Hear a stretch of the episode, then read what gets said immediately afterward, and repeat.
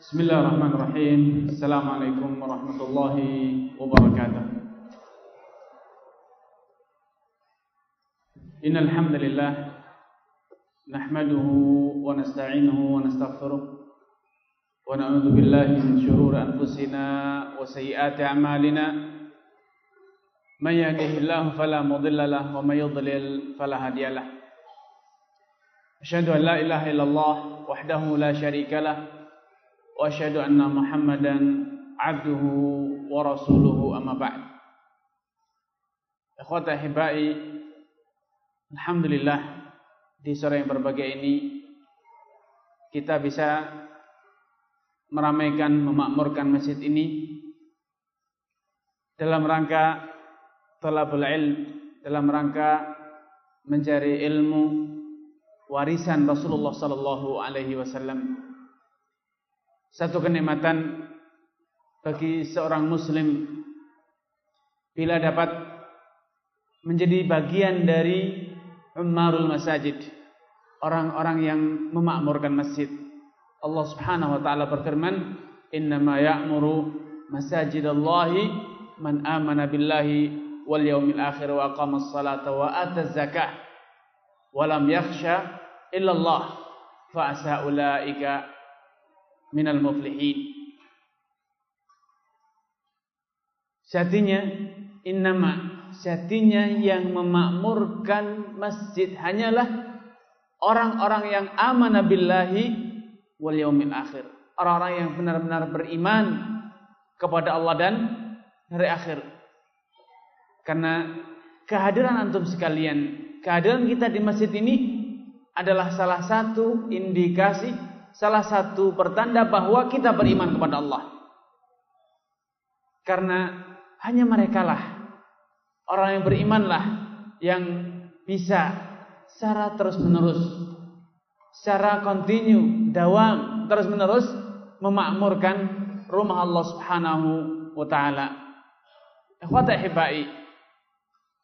Ada satu tema yang sering kali menjadi biang keributan, menjadi awal keributan di masyarakat pro dan kontra. Bahkan dalam beberapa kejadian menjadikan adanya kontak fisik dan yang lainnya yaitu isu Wahabi. Yang pro sering kali juga belum sepenuhnya memahami apakah itu Wahabi yang kontra pun sejatinya banyak yang belum memahami apa dan siapa Wahabi yang ada hanya apa? Emosi. Yang ada hanya katanya. Yang ada apa? Dengar-dengar. Bukan memahami, bukan mengetahui.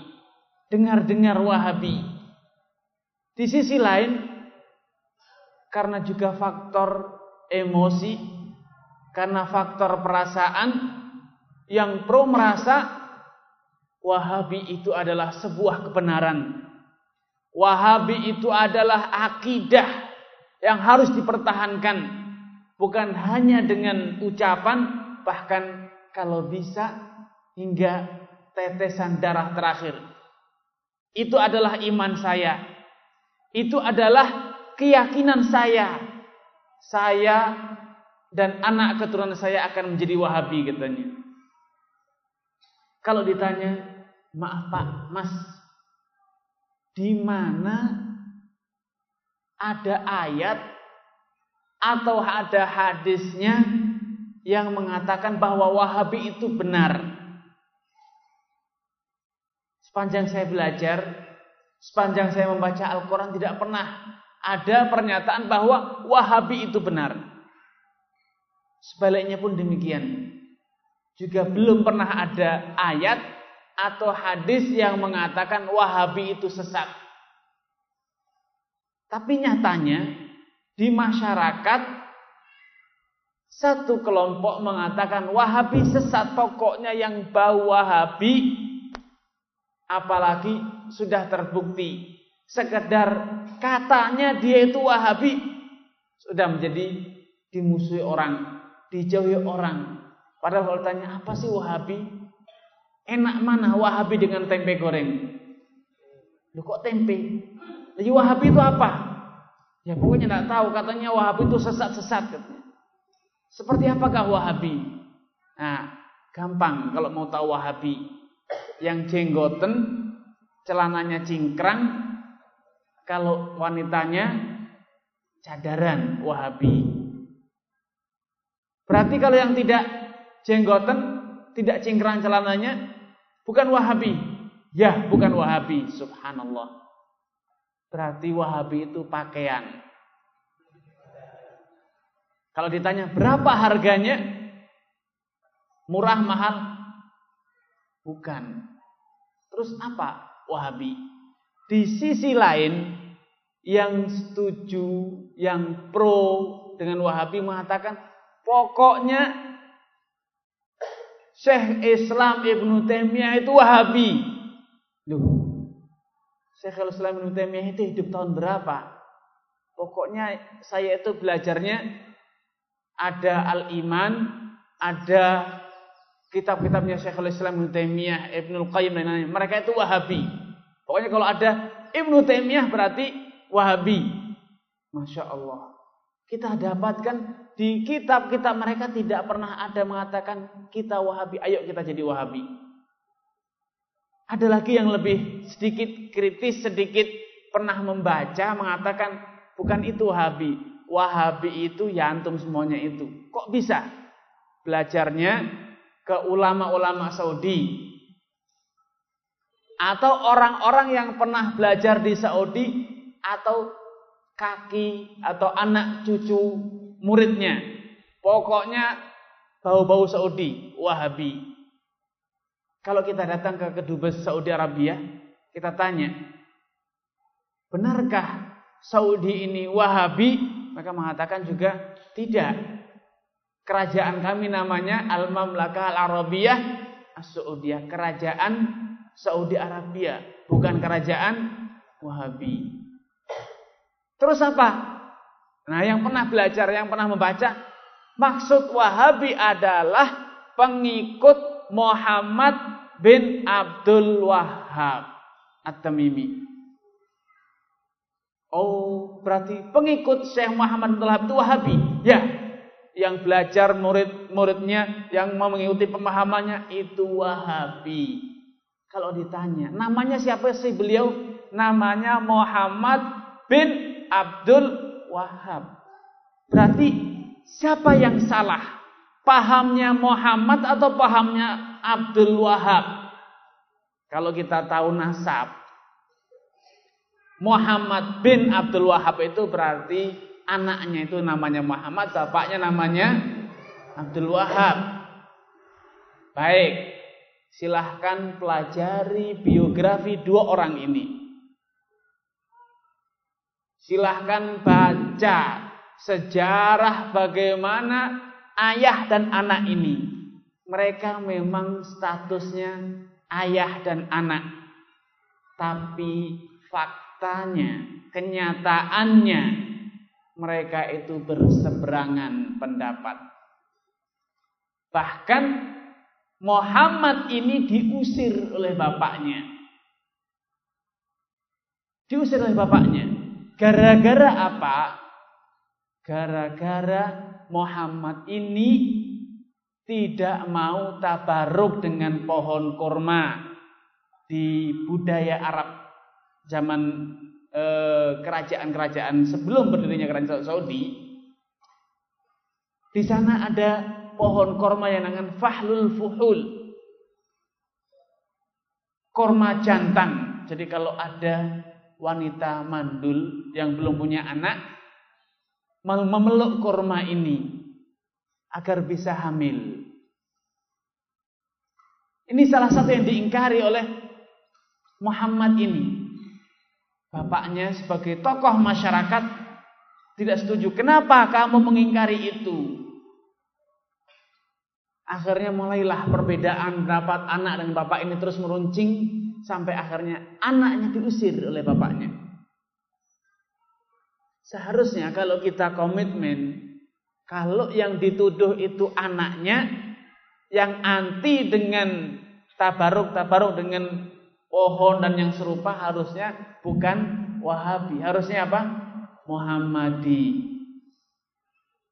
Kalau Muhammad uh, Wahabiyah itu atau Wahabi itu diajarkan atau dinisbatkan kepada ayahnya, maka di Indonesia ini Wahabi semua. Ngalap berkah itu kepada macam-macam di Indonesia. Seharusnya mereka itu Wahabi. Tapi justru sebaliknya. Yang pernah belajar, yang pernah e, membaca, apalagi benar-benar mengajarkan.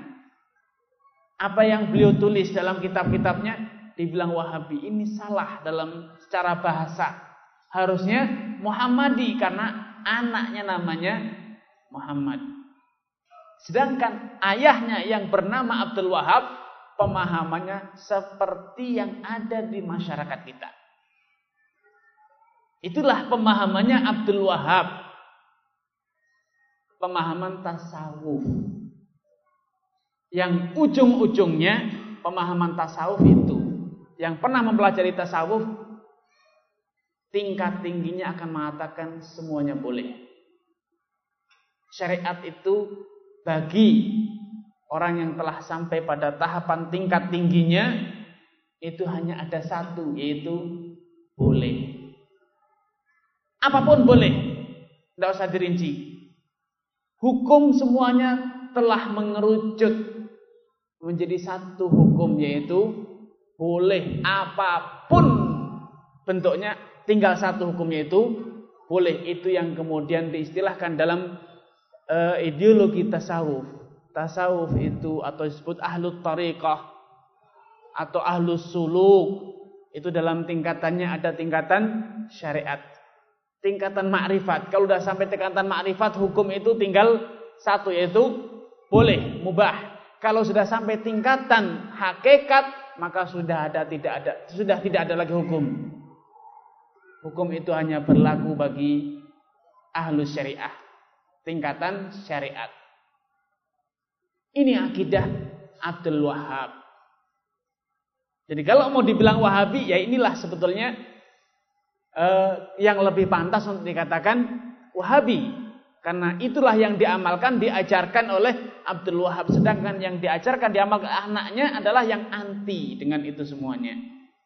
Sehingga harusnya namanya Muhammadi. Namun itu tidak penting bagi kita. Kita lupakan. Kenapa? Karena orang bisa bilang, ya nisbat itu bisa ke anak, bisa ke ayah. Tidak apa-apa nisbat itu. Baik, itu dari sisi nama bolehlah. Kalau kita tanya sebetulnya yang jelek dari Wahabi itu apa sih? Yang membuat kita resah, membuat kita sebel, konyol, jengkel sama Wahabi itu apa sih? Kalau diusut-usut cuma ada dua. Yang lainnya itu urusan sepele. Hobi mengkafirkan. Kelompok yang berbeda. Semua orang yang tidak sepaham maka akan dikafirkan, dianggap kafir. Yang kedua apa? Hobinya membid'ahkan. Lihat saja kalau ceramah, kalau khutbah pembukaannya seragam. Ya, apa pembukaannya? Kullu muhdatsatin bid'ah. Dan kullu bid'atin dolalah. Nah, mereka itu dikit-dikit dolalah, dikit bid'ah, dikit memang Wahabi itu hobinya tukang stempel bid'ah. Ada dua ini isu utama. Kenapa Wahabi menjadi isu panas di mana pun. Baik, kita akan bicarakan satu demi satu.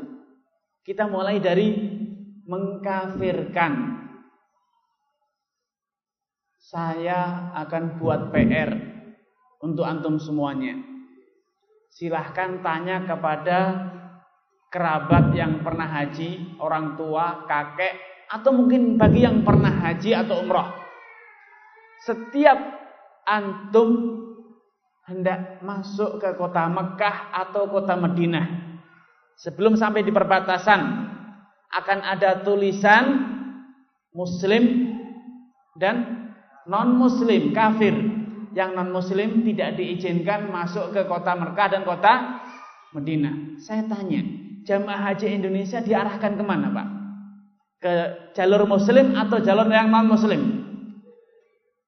Berarti Saudi itu mengakui jamaah haji Indonesia kafir. Muslim Pak. Buktinya boleh masuk ke wilayah tanah haram.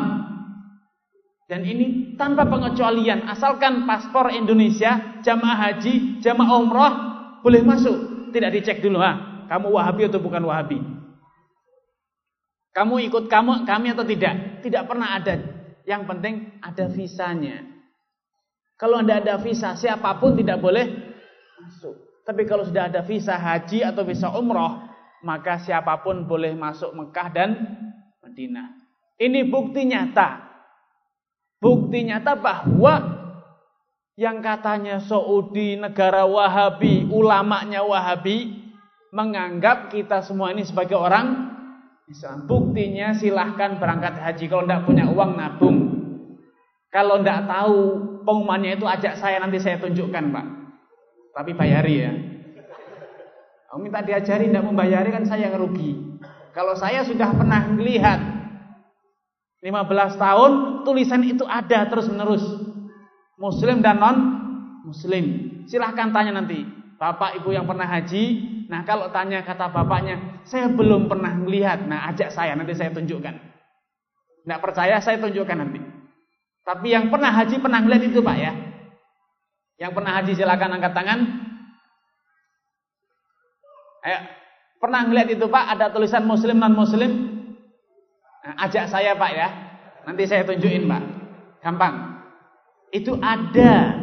Jadi sebelum masuk tanah perbatasan tanah suci, tanah haram Mekah dan Madinah,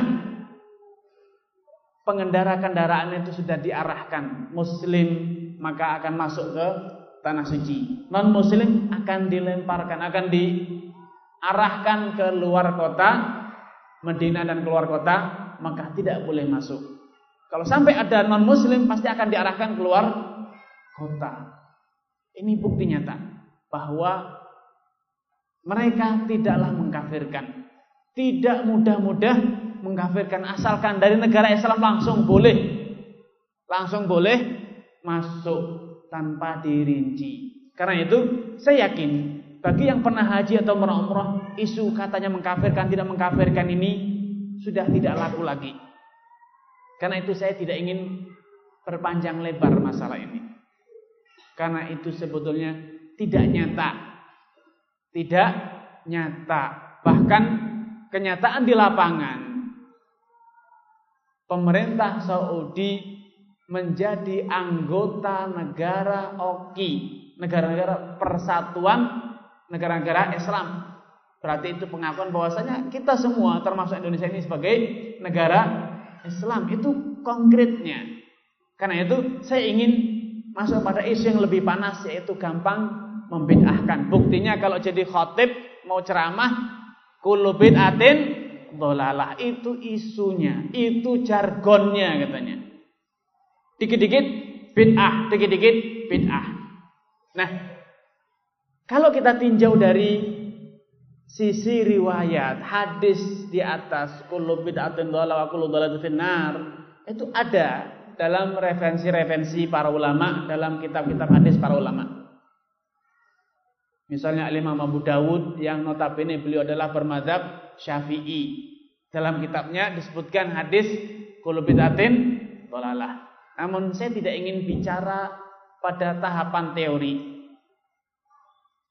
Jadi saya ingatkan sekali lagi bahwa katanya indikasi Wahabi itu sedikit-sedikit membedahkan gini ndak boleh itu ndak boleh alasannya bid'ah. Jadi pokoknya siapa saja yang gampang membedahkan maka dia itu Wahabi. Saya mau bertanya, Pak. Saya tanya. Salat subuh 10 rakaat boleh atau enggak Pak? Saya semangat mumpung masih muda. sehat badannya, liburan hari Minggu, libur kerja. Saya ingin sholat subuh 10 rakaat, boleh enggak? Kok enggak boleh?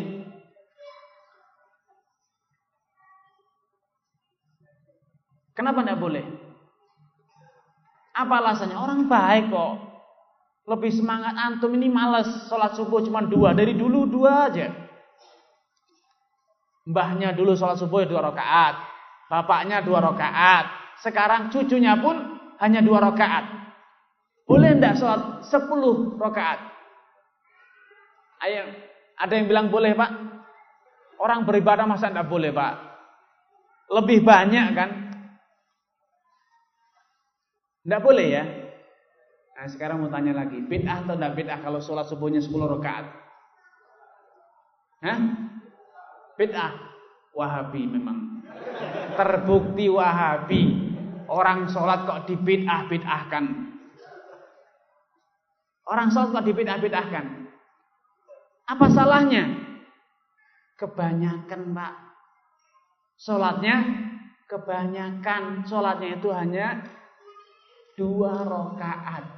Walau yang sepuluh itu lebih marem, lebih mantap, lebih banyak, lebih semangat, tapi bid'ah. Kenapa? Karena urusan ibadah itu bukan hanya modal semangat. Jumlahnya harus pas. Jadi kalau kelebihan namanya bid'ah. Kalau dikurangi boleh enggak? Zaman sekarang kan apalagi Indonesia semuanya disingkat sampai nama presidennya, nama tempatnya, semua disingkat. Kalau tidak percaya silahkan nulis alamat. Alamatnya RT. Apa itu RT? Singkatan kan? Kalau nulis nama, namanya Muhammad ditulisnya M. Gitu Pak ya. Sebutannya namanya Muhammad, panggilannya Mamat. Ada limat, ada lagi Muh. Abdullah dipanggilnya Dul. Disingkat. Kenapa? Buat apa nama panjang-panjang? Gampang kan? Dul gitu aja sudah dengar kenapa mesti Abdullah kelamaan. Nah, kalau sekarang ada orang ya sudah zaman modern sekarang industri luar biasa, kita itu butuh yang cepat. Sholatnya diringkas satu rakaat saja, boleh enggak? Bid'ah juga. Yang sholat subuhnya satu rakaat, bid'ah juga ya. Memang terlalu dikit-dikit bid'ah memang kok. Memang terbukti Wahabi ini. Yang mau diringkas tidak boleh, yang mau diperpanjang tidak boleh. Kenapa Pak? Alasannya ada yang tahu. Kenapa tidak boleh? Saya ingin tahu. Kenapa Pak? Tidak ada dasarnya kan. Jadi katanya sholat itu harus ada contohnya, ada dasarnya gitu Pak ya. Walau lebih semangat, kalau tidak ada contohnya, tidak boleh. Jadi dalam urusan hitungan ternyata kita itu harus mengikuti Nabi. Kalau kelebihan tidak boleh, kurang juga tidak boleh. Ini memang salah satu sebab salah satu pintu terjadinya bid'ah kata para ulama. Kata para ulama dalam urusan ibadah, ingat dalam urusan ibadah. Dalam urusan ibadah hitungannya harus tepat. Kalau tidak tepat maka itu bid'ah. Makanya dalam sholat ada yang namanya sujud sahwi. Yang lupa hitungan sujud sahwi. Tidak bisa Allah kurang lebih sama teman sendiri ya Allah masa sama umatnya sendiri masa salah-salah sih? Tidak bisa. Kurang harus ditambahi. Kalau sampai lupa tiga atau empat syariatnya apa? Sujud. Saya tidak bilang oh, teman sendiri kurang lebih sudah. Tidak ada. Harus ada sujud sahwi. Karena dalam hitungan harus tepat. Tapi kalau dalam urusan apa namanya urusan dunia jual beli. Mas berapa harganya? Seribu. Ya Allah kasihan sekali mas, murah sekali. Kemurahan jualnya. Iya pak, segitu memang harganya. Saya beli sepuluh ribu, boleh enggak? Boleh ya? Sekarang ini, saya mau haji. Saya mau haji, kan tawaf itu tujuh kali, sa'i tujuh kali. Kalau mau tawaf dan sa'inya tujuh kali, sayang sekali. Jauh-jauh dari Pekalongan cuman tawaf tujuh kali. Kenapa tidak ditambahi? Jadi delapan, sepuluh, tujuh puluh gitu. Biar lebih mantep. Tidak boleh ya. Karena tidak sesuai dengan sunnah Nabi. Nabi SAW menyatakan, Khudhu anni manasikakum. Contohlah dariku cara kalian menunaikan manasik. Ada satu cerita gini Pak. Pengalaman saya waktu di Madinah. Ada teman, ya kenalan lah waktu haji. Ketika haji, sudah tawaf selesai hitungannya tujuh benar. Ketika sa'i, rombongan, janjian nanti kalau sudah selesai, tidak usah rombongan bareng-bareng. Kalau sudah selesai ketemu di e, tiang jam yang di depan Marwa, tempat cukur waktu itu. Gampang hanya ada satu tiang. Ya sudah sepakat ketemu. Rombongan semuanya sudah kumpul, tinggal satu orang pak. Ditunggu satu jam belum datang. Akhirnya diputuskan tinggal saja sudah. Wong anak muda nanti bisa kembali. Sekembali ke tenda, Marah-marah si pemuda tersebut. Kalian ke mana saja? Kok lambat sekali tawaf sa'inya? Akhirnya ditanya, lambat gimana? Kita nunggu kamu sudah satu jam tidak ada datang kok kita dibilang lambat. Akhirnya dia nanya, kalian selesai jam berapa? Jam 10. Hah? Saya baru selesai jam 12. Kok bisa? Akhirnya mereka ribut. Akhirnya saya tanya, Pak, Sa'inya berapa kali? Ya tujuh kali. Saya tanya, gimana yang hitungnya? Sofa, marwa, sofa sekali. Saya bilang, ya pantas pak.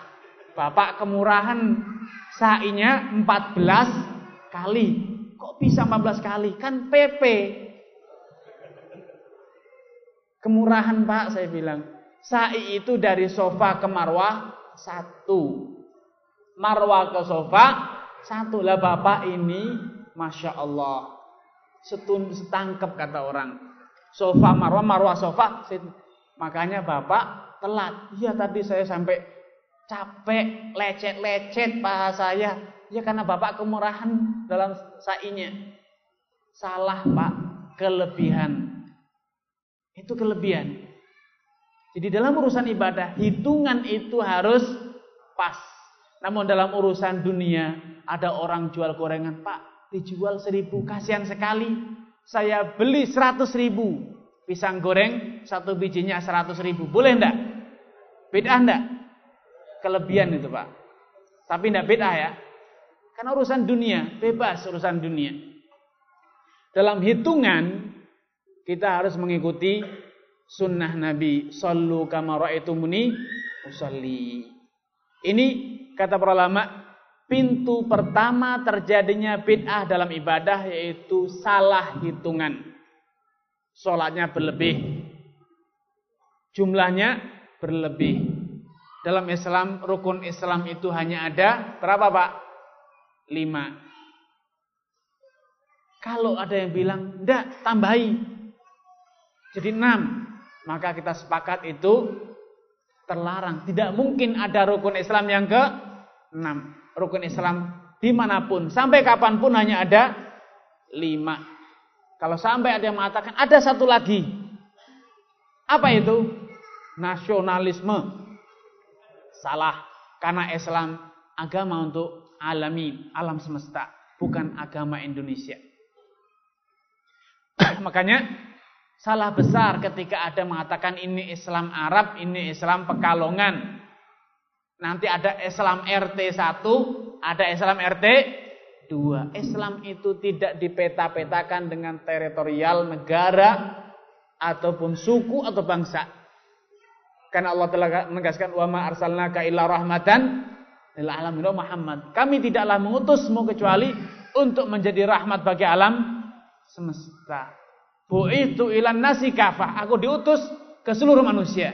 Jadi para eh, menurut para ulama, alasan pertama kenapa satu amalan dikatakan bid'ah itu adalah karena apa, Pak?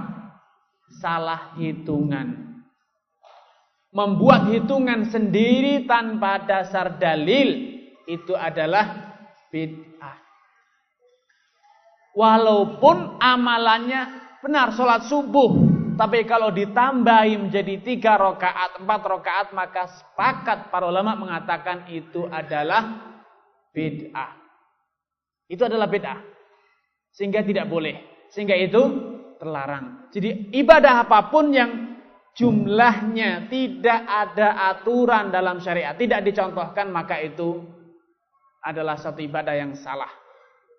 Sebaliknya dalam ibadah-ibadah yang tidak ada batasan jumlah, maka juga tidak boleh diberi batasan. Yang ada batasan tidak boleh dirubah, rubah. Seperti orang sedekah sunnah. Sedekah sunnah itu bebas. Yang mau seribu boleh, satu juta boleh, satu miliar boleh. Sedekah sunnah. Tapi kalau sampai ada aturan, mas, kalau sedekah itu yang sah minimal seratus ribu kalau kurang dari 100 ribu tidak sah, tidak diterima. Ini juga ucapan perkataan yang bid'ah. Sedikit banyak diterima sama Allah Subhanahu wa taala. Namun urusan zakat, zakat ada nisabnya, Pak. Zakat ada nisabnya. Misalnya, zakatnya kambing. Yang punya 40 kambing wajib dizakati asalkan kambingnya digembala bukan kambing yang diberi pakan di kandang. Nah kalau ada yang mengatakan wajib bagi yang punya satu ekor kambing untuk dizakati, maka ini termasuk perkataan yang menyelisihi syariat. Dan ini terlarang. Kenapa? Islam hanya mewajibkan zakat atas orang yang telah memiliki 40 ekor kambing. Kalau sampai ada yang merubah, enggak, sekarang jarang yang punya kambing, yang punya motor. Adanya motor. Kemudian dikatakan yang punya 40 motor wajib zakat, yang kurang dari 40 motor tidak wajib zakat. Ini adalah hal-hal yang bisa dikatakan beda karena apa? Hitungannya tidak ada batasan. Dalam syarat kemudian dibuat batasan atau batasannya hitungannya dirubah. Ini adalah bid'ah. Ini pintu pertama dari bid'ah. Suatu amalan dikatakan bid'ah adalah ketika hitungannya, jumlahnya tidak sesuai dengan tuntunan Nabi Shallallahu Alaihi Wasallam.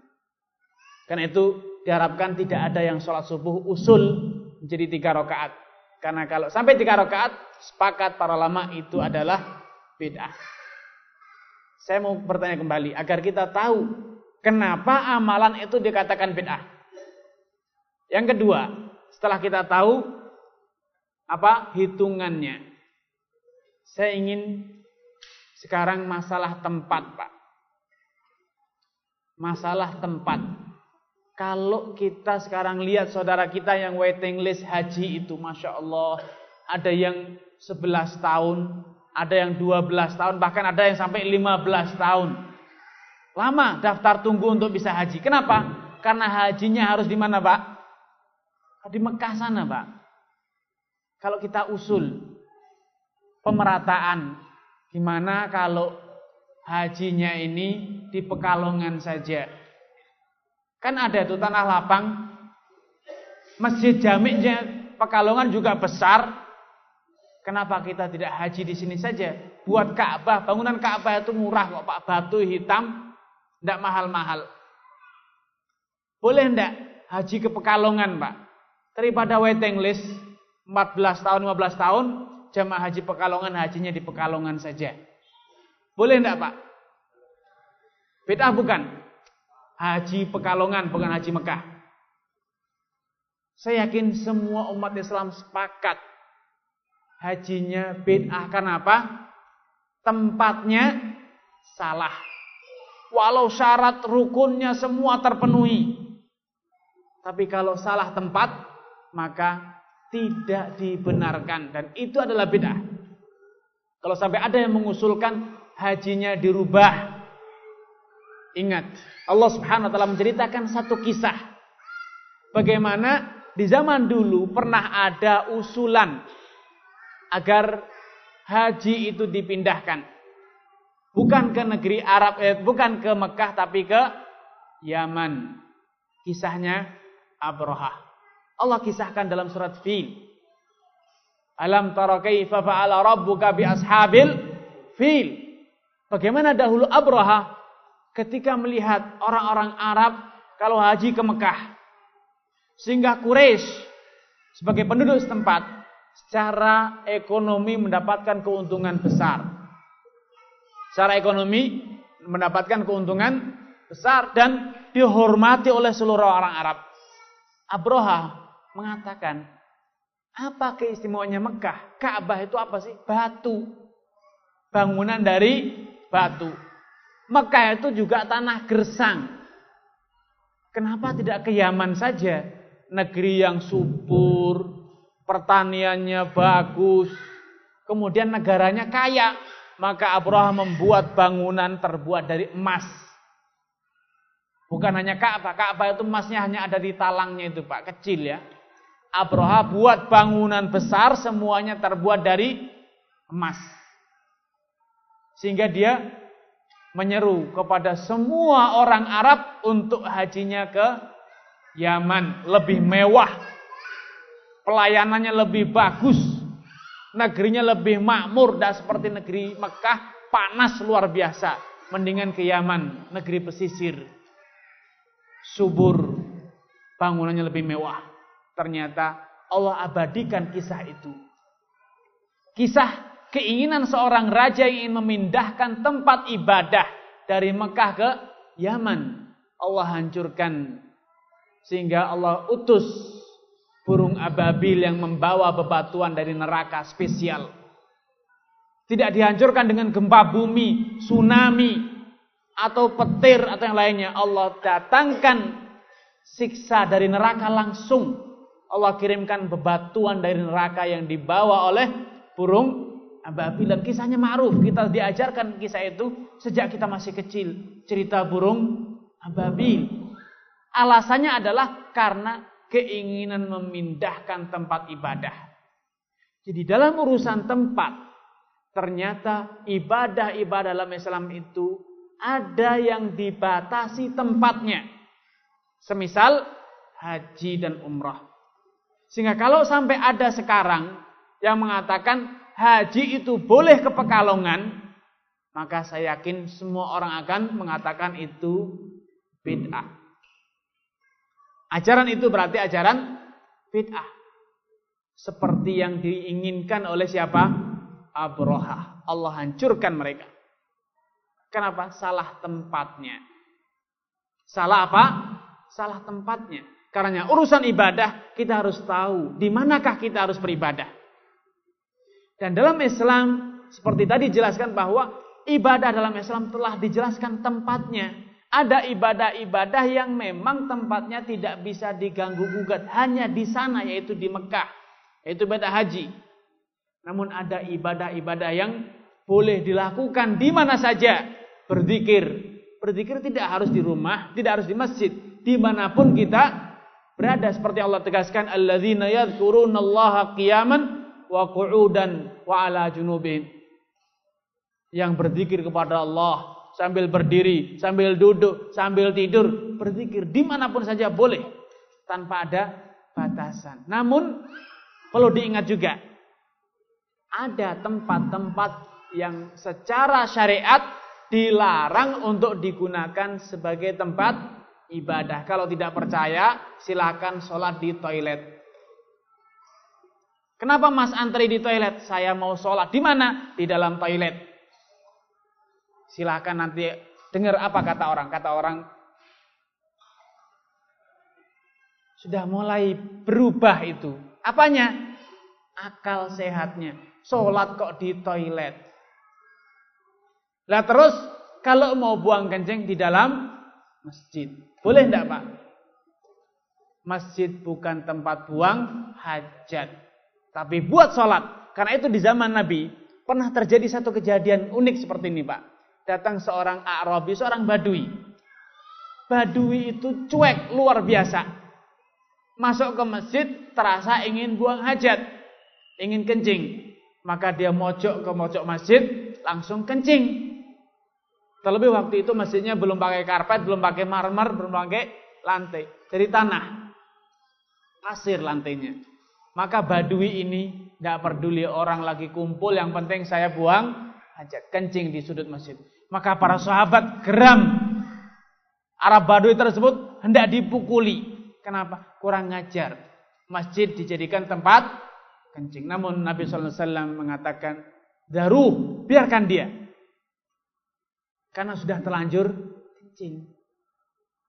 Karena kalau dihukumi, dihakimi, malah nanti dia lari ke sana, kemari kencingnya malah ke mana-mana. Atau kalau dihakimi, karena saking takutnya berhenti kencingnya, dia orang itu jadi sakit. Kasihan. Sudah terlanjur ya sudah. Biarkan dia selesai. Kemudian setelah A'rab tadi, orang Baduy tersebut selesai dari kencingnya, Nabi memanggil dia. Ama ta'lam. Tidakkah engkau tahu bahwa masjid ini inna hadhil masajid inna hiya liiqamatis shalah. Setiap masjid itu hanya untuk sholat, untuk membaca Al-Quran dan bertasbih kepada Allah Subhanahu Wa Taala. Wala yasluhu li syai'in hadhil qadurat katanya. Dan tidak cocok, tidak boleh digunakan untuk buang kotoran seperti ini. Jadi ternyata tempat pun ada aturannya. Kalau masjid ya tempat untuk sholat, kalau toilet ya tempat untuk buang aja, tidak boleh dibalik. Di antara tempat yang dilarang untuk digunakan ibadah adalah kuburan. Nabi Shallallahu Alaihi Wasallam menyatakan, la taj'alu buyutakum makabira. Jangan kalian jadikan rumah kalian itu seperti kuburan. Ada rumah orang Islam yang seperti kuburan. Lalu apa ya Rasulullah caranya? Bagaimana kiatnya agar rumah kita tidak seperti kuburan? Nabi memberikan contoh. Fa inna syaitana yanfiru minal baitil ladzi tuqra'u fiha suratul Baqarah. Karena setan itu akan lari menjauh dari rumah yang dibacakan surat Al-Baqarah. Sehingga secara logikanya mafhum mukhalafahnya dalam bahasa Arab kalau rumah yang tidak dibacakan Al-Quran seperti kuburan, berarti kuburan itu bukan tempat membaca Bukan tempat apa Pak? Antum yang bilang loh, bukan saya. Saya tadi mau bilang tidak tega. Tapi antum sendiri yang bilang. Jadi secara logikanya, kalau Nabi mengatakan, jangan kalian jadikan rumah kalian seperti kuburan. Karena sejatinya setan itu lari menjauh dari rumah yang dibacakan surat Al-Baqarah. Sehingga logikanya, mafhum mukhalafahnya, analoginya, kita akan menyimpulkan berarti kuburan bukan tempat untuk membaca Al-Quran. Kenapa? Karena kuburan bukan tempat ibadah. Kuburan tempat untuk menguburkan orang yang sudah tidak bisa beribadah. Ibadah itu adalah amalannya orang yang masih hidup. Yang hidup baik di rumah, di mana pun dia beribadah. Tapi kuburan itu tempatnya orang yang sudah tidak bisa ibadah. Rumah itu tempatnya orang yang masih bisa ngaji. Tapi kuburan itu tempatnya orang yang sudah tidak bisa ngaji. Maka di kuburan. Karena itulah para ulama mengatakan kalau mau ngaji ya di rumah jangan di kuburan. Kalau sudah di kuburan ngaji, berarti bapak itu sudah pengen berhenti ngaji. Karena orang yang sudah berhenti ngaji itu akan segera dihuni diberikan rumah spesial di mana pak? Di kuburan. Kalau bapak masih pengen ngaji, ya di rumah, di masjid, di tempat lain. Tapi kalau sudah berhenti ngaji, maka akan segera kita carikan rumah spesial. Rumah idaman setiap insan. Ini analoginya seperti itu. Karena itu dalam urusan ibadah, para ulama menjelaskan harus diingat tempatnya. Di sinikah tempatnya? Kalau memang ya silahkan. Kalau bukan tempatnya, jangan. Karena urusan tempat dalam Islam juga penting, Pak. Urusan tempat itu penting. Orang yang menjalankan ibadah salah tempat bisa jadi dianggap bid'ah seperti orang tadi yang haji ke Pekalongan. Hajinya ke Pekalongan bukan ke Mekah. Ini jelas-jelas bid'ah. Kita sudah mengetahui dua. Hitungan tempat. Yang ketiga, Pak, suatu amalan dikatakan bid'ah adalah urusan waktu. Seperti sekarang, Pak, biar pengajian kita tidak terputus, gimana kalau maghribnya diajukan saja, Pak? Usul. Sekarang kita sholat maghrib, pengajiannya bisa langsung sampai malam di jamak sekarang majukan.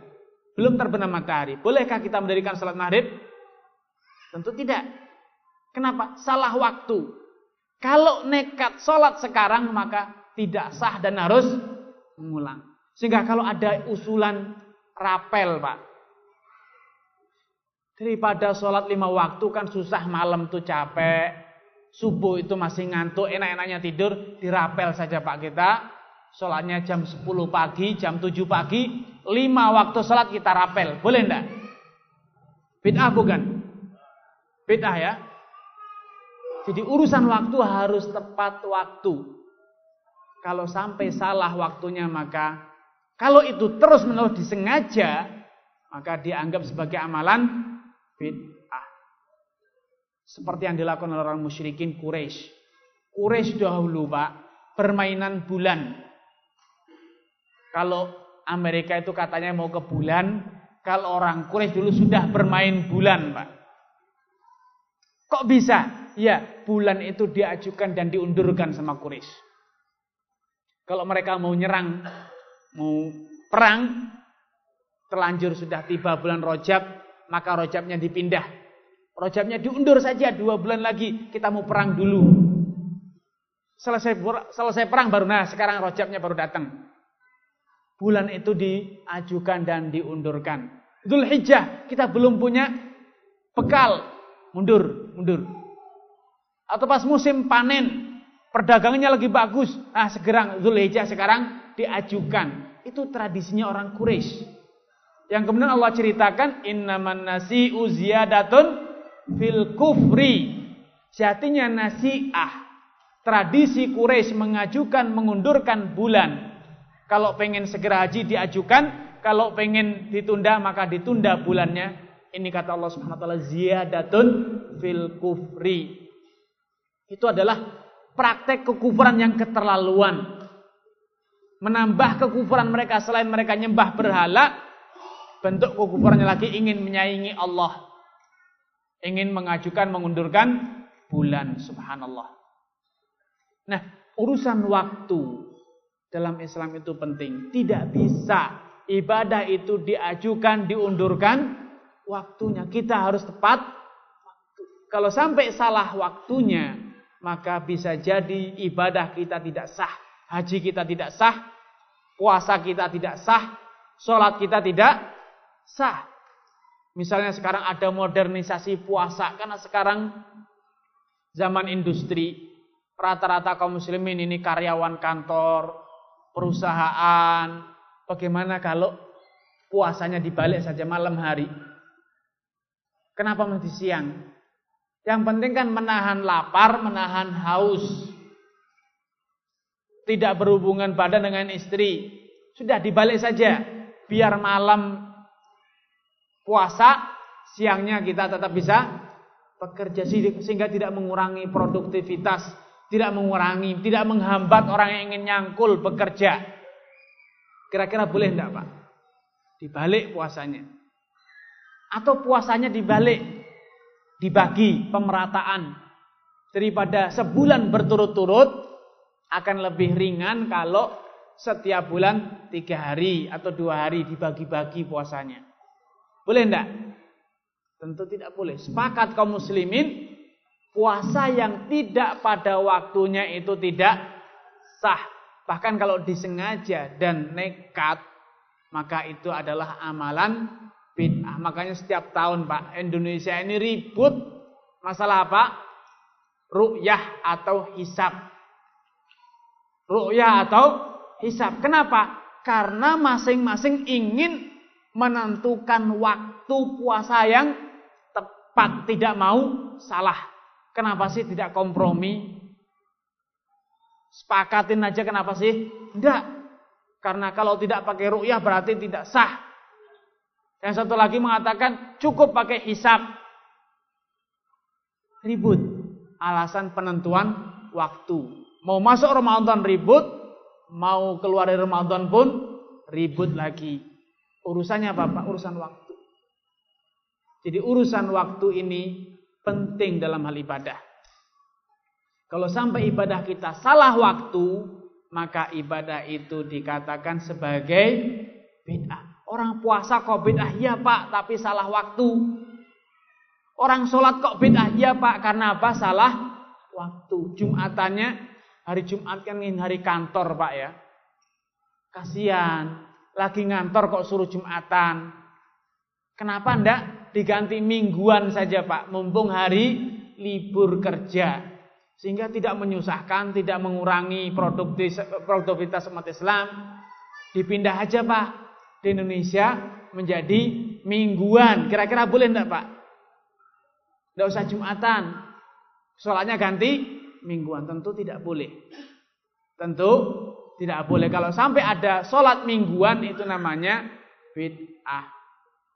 Jumatan ya hari Jumat tidak bisa dipindah menjadi mingguan. Baik, jadi urusan waktu penting. Kita harus mengikuti teladan Nabi, mengikuti ajaran Nabi tentang urusan waktu. Jadi sudah ada tiga unsur yang kalau tidak terpenuhi maka amalan itu dikatakan bid'ah. Jumlahnya tempatnya. Yang ketiga apa Pak? Waktunya. Yang keempat, tata caranya. Cara sholatnya. Sholat ini sekarang kan zaman banyak penyakit Pak. Agar umat Islam ini sehat, digalakkan olahraga. Tapi kalau harus olahraga, makan waktu. Sholatnya aja dibuat senam. Sholatnya senam seperti yang dilakukan setiap pagi senam itu. Senam kesegaran jasmani atau apalagi apalagi. Bagaimana kalau kita rubah seperti sholatnya? Saya yakin semua orang mengatakan sholatnya bid'ah. Nah di Jawa ada satu ide brilian katanya Pak. Menunjukkan orang itu hebat. Kenapa? karena sudah bisa baca fatihah sungsang Baca Fatihah seperti antum ini tidak hebat. Ya Alhamdulillah Rabbil Alamin anak TK bisa. Tapi saya yakin walau umur 80 tahun hafal Al-Quran, kalau suruh baca Fatihah sungsang saya yakin kerepotan. Siapa yang bisa Pak? Baca Fatihahnya dari belakang Pak. Ada Pak yang bisa? Baca Fatihahnya dari belakang bukan dari depan. Itu hebat. Jadi kalau sholat bacaan fatihahnya Alhamdulillahirabbil alamin ah, kuno. Saya mau sholatnya kan sama-sama fatihahnya, tidak dikurangi satu huruf pun. Tapi dibaca dari belakang. Yang diistilahkan dengan fatihah sungsang. Kok sungsang? Iya karena kebalik dibaca dari belakang seperti anak yang lahir itu harusnya kepala dulu, tapi maunya kakinya dulu itu namanya sungsang. Kebalik. Nah ini sholatnya baca fatihah sungsang. Jangan heran nanti kalau ada orang yang ingin praktek pak. Kok fatihahnya baca apa ini? Tidak pernah dengar. Betul. Bacaan fatihah sungsang. Ini saya yakin kalau sampai ada imam baca fatihah sungsang, insya Allah tidak selamat keluar dari masjid pak digebuki oleh rakyat, digebuki oleh masyarakat. Kenapa? Ini baca apa? Baca mantra atau baca Fatihah? Dengar-dengarnya pakai bahasa Arab kok. Artinya tidak karuan. Kata-katanya tidak jelas, tidak seperti Fatihah yang ada. Nah, ternyata ngaji pun, membaca Al-Quran pun harus caranya benar, tidak bisa dibolak balik. Orang wudhu, Pak. Untungnya kaum muslimin dari muka, tangan, mengusap kepala. Dibalik saja Pak, tidak apa-apa. Kakinya dulu. terus kepalanya, terus tangannya, baru wajahnya. Boleh enggak Pak? Para ulama mengatakan, ini sudah dibahas Pak dalam kitab-kitab fikih yang disebut dengan al-wudu'ul munakkas, wudu yang kebalik. Kalau sampai ada orang yang nakal iseng seperti ini, dia wudunya kebalik. Sah apa tidak? Kata para ulama sepakat tidak sah. Jadi kalau dia membasuh kaki, mengusap kepala, tangan dan wajah yang dihitung cuman wajahnya saja. Sedangkan tangan wajahnya dianggap belum dibasuh walau sudah basah kuyup. Kenapa wudhunya sungsang kebalik? Jadi urusan ibadah dalam Islam tata caranya harus benar. Cara sholatnya benar, kemudian cara bacanya benar dan lain semuanya sesuai dengan ajaran Nabi seperti yang dijelaskan Nabi. Sallu kama ra'aitumuni sholli. Salatlah seperti kalian melihat aku salat. Seperti yang dilakukan Nabi, tidak boleh ada inovasi, tidak boleh ada tata cara baru. Sampai pun kalau Fatihah dibalik, maka para ulama mengatakan tidak sah. Sebagian orang karena zaman sekarang itu zaman seni, Pekalongan ini eh, kota batik yang identik dengan jiwa seni. Ketika membaca takbir ingin dibuat merdu. Ingin dibuat lebih syahdu gitu, Pak. Kalau orang Arab takbir itu Allahu Akbar. Orang Pekalongan biar lebih mardu, lebih jawani. Gimana caranya? Allahu Akbar. Muadzin itu Pak, banyak yang membaca takbirnya Allahu Akbar. Jadi barnya itu ada matnya. Panjang. Kalau orang Arab Allahu Akbar. Tegas. Itu orang Arab. Kalau orang Pekalongan kan lembut. Merdu. Adanya Allahu Akbar. Kata para ulama tidak sah Pak adanya Pak. Kenapa? Akbar itu artinya gendang. Seperti ketipung itu. Karena akbar itu jamak dari kabar. Kabar itu adalah ketipung. Seperti alat musik. Sehingga artinya rusak Pak. Jadi kalau membaca takbir harus benar. Makanya ada ilmu tajwid. Kenapa sih anak-anak harus diajari tajwid agar bacanya benar ketika salah baca yang tidak panjang dipanjangkan, yang pendek dipanjangkan, yang panjang dipendekkan rusak artinya. Kalau rusak artinya rusak ibadah kita. Allahu Akbar. Ada lagi mengatakan tidak seperti itu. Biar fasih membaca takbirnya Allahu Akbar. Mantep Pak. Allahu Akbar ditambahi ada huwa.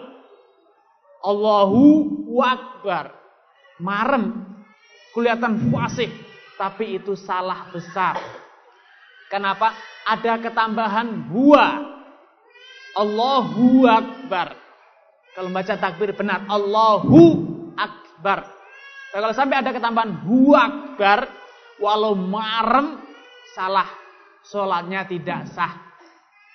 Kalau sampai sholat dengan Allahu Akbar. Tidak sah sholatnya Pak. Segera ganti imam. Segera ganti imam. Karena sholat imamnya tidak sah. Merubah takbir.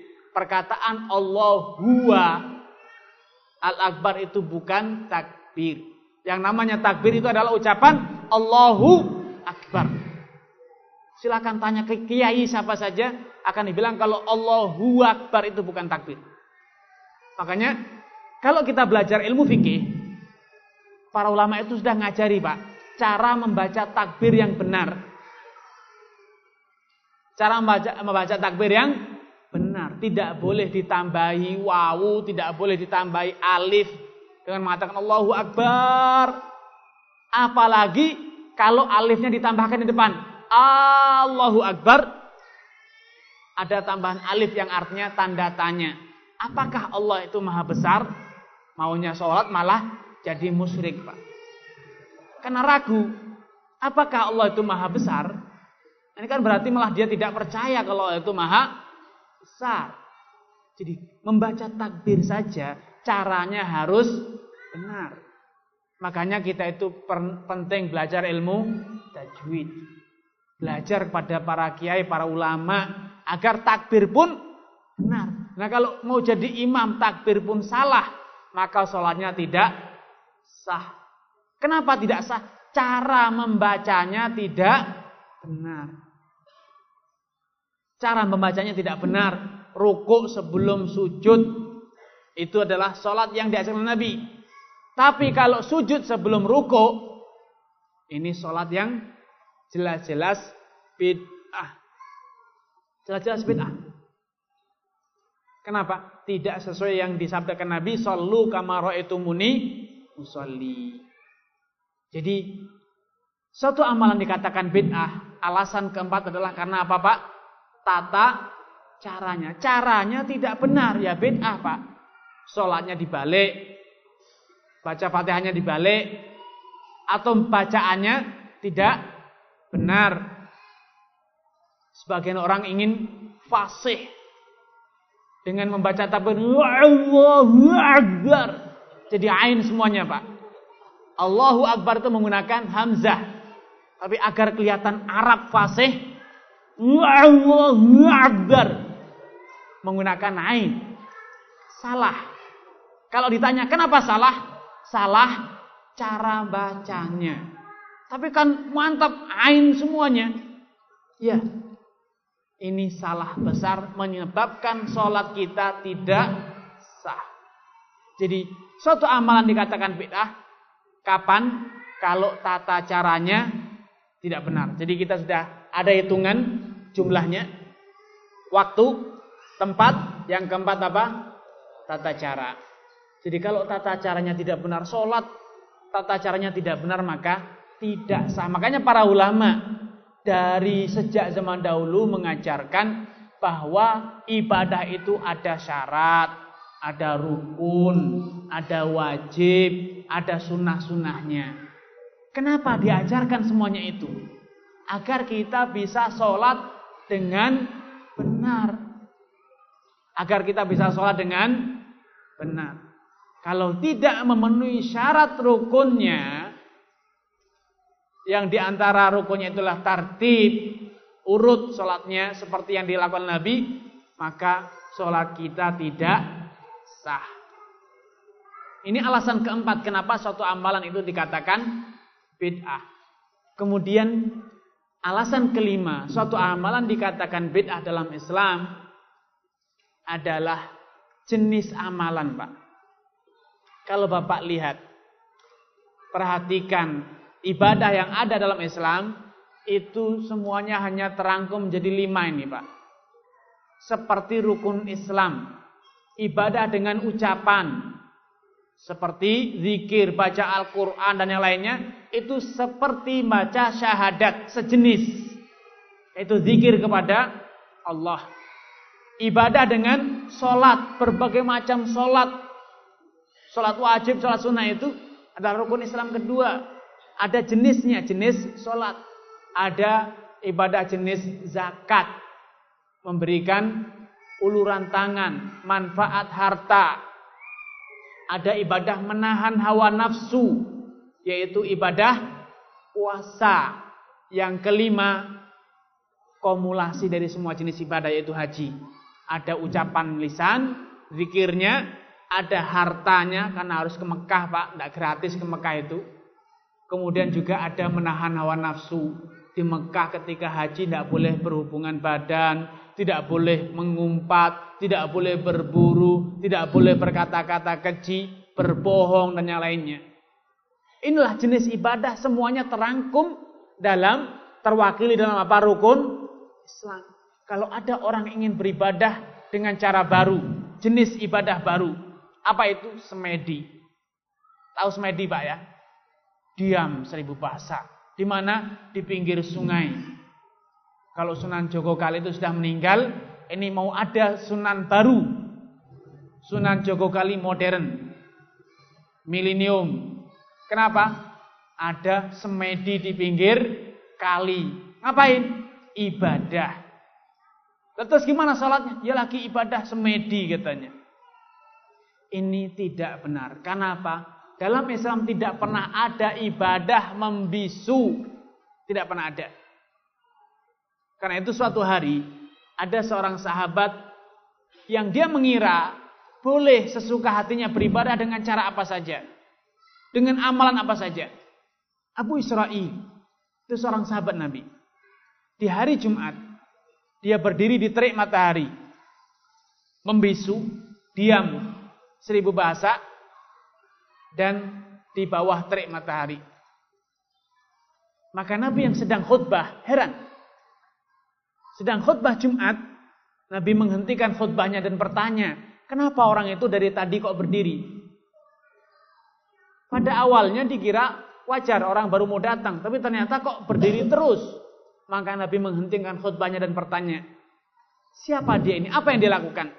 Maka para sahabat menjawab, ya Rasulullah, ada Abu Israel. Dia itu namanya Abu Israel. Nazarulillah, dia bernazar. Nazarnya apa? An yasum, puasa. An yakum, berdiri. Walayatakallam, membisu tidak berbicara dan wala yastadhil, tidak berteduh.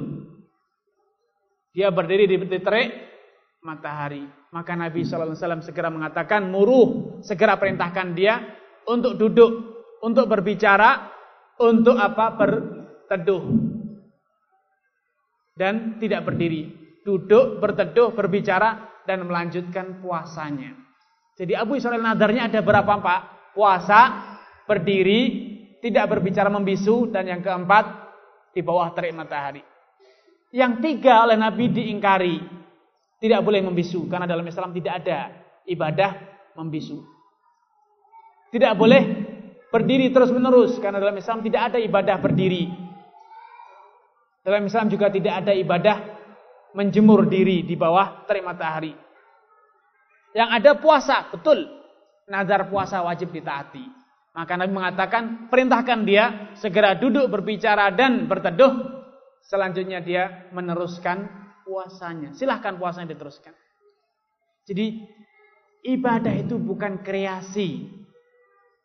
Bukan inovasi. Ibadah itu harus seperti yang Allah tegaskan. Wa ma atakumur rasulu fakhudhuh. Wa ma nahakum anhu fantahu. Apa pun yang diajarkan Nabi, terima. Dan apa pun yang dilarang, maka tinggalkan.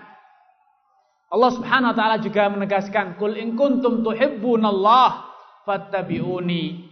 Kalau kalian mengaku cinta kepada Allah, buktinya apa? Bukan asal ibadah. Orang niatnya baik kok beribadah kenapa dilarang-larang? Dia kan ingin beribadah kepada Allah dengan cara apa? Semedi di dalam gua. Tidak benar. Dalam Islam tidak ada ibadah membisu.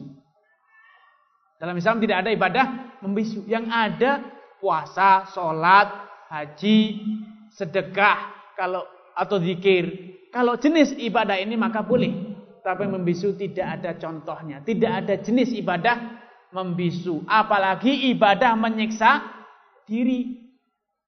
Makanya suatu hari ketika Nabi sedang berangkat haji pada hajatul wada. Beliau melihat seorang tua rentak dipapah oleh anaknya, digandeng. Maka Nabi heran, kenapa orang tua ini kok jalan sampai engkau papah, kelelahan. Kenapa tidak istirahat? Ya Rasulullah, nazara an yahujja masyian. Dia bernazar ingin haji berjalan kaki. Walau sudah tua rentak.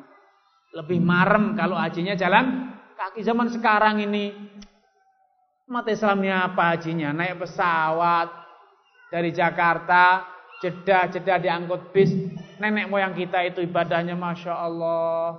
Ada yang jalan kaki dulu, ada yang naik perahu, ada yang naik onta. Nabi mengatakan kepada sahabat tadi, Murhu fal yarkab. Innallaha laghaniyun an ta'dhibi abika nafsah katanya segera bilang ke ayahmu agar dia hajinya menunggang kendaraan. Karena Allah tidak butuh. Allah tidak senang kalau ayahmu itu menyiksa diri sendiri. Membebani, menyusahkan dirinya sendiri. Bisa naik kendaraan, kenapa jalan kaki. Bisa naik pesawat, kenapa naik perahu. Bisa naik perahu, kenapa naik onta. Jadi beribadah dengan cara menyiksa diri. Ini tidak dibenarkan dalam Islam. Makanya dalam di masyarakat ada ibadah-ibadah semacam ini.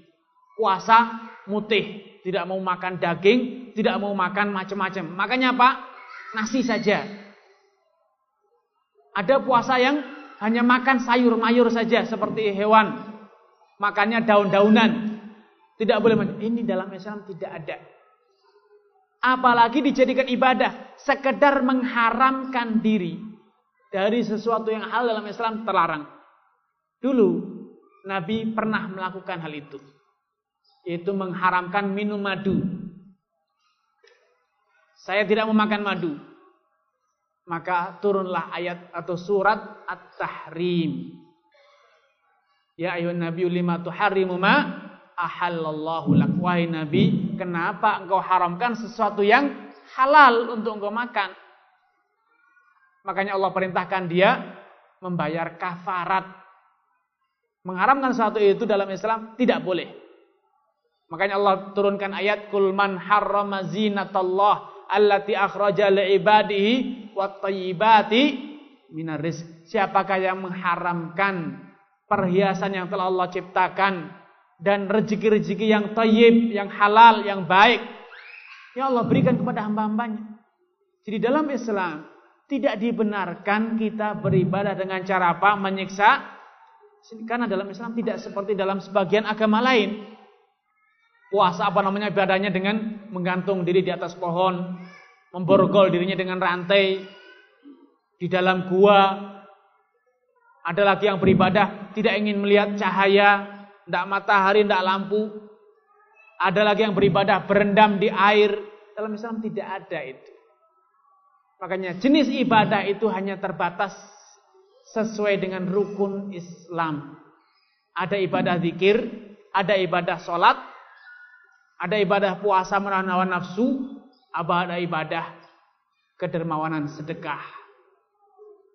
Inilah jenis-jenis ibadah. Sehingga kalau ada orang yang ingin beribadah dengan jenis amalan baru, maka dalam Islam tidak dibenarkan. Dan itulah yang dianggap dengan bid'ah. Sehingga kalau ada orang saya ingin puasa dari sinar matahari. Lalu apa? Merem. Merem, Pak. Menutup mata. Dalam Islam tidak boleh.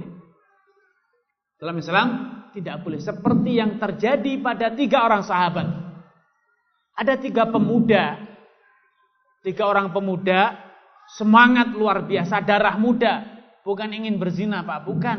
Bukan ingin mabuk. Bukan. Namun ingin ibadah yang hebat maka ketiga orang ini, yang satu bilang, biar lebih optimal ibadahnya, dia tidak ingin tidur malam, Pak.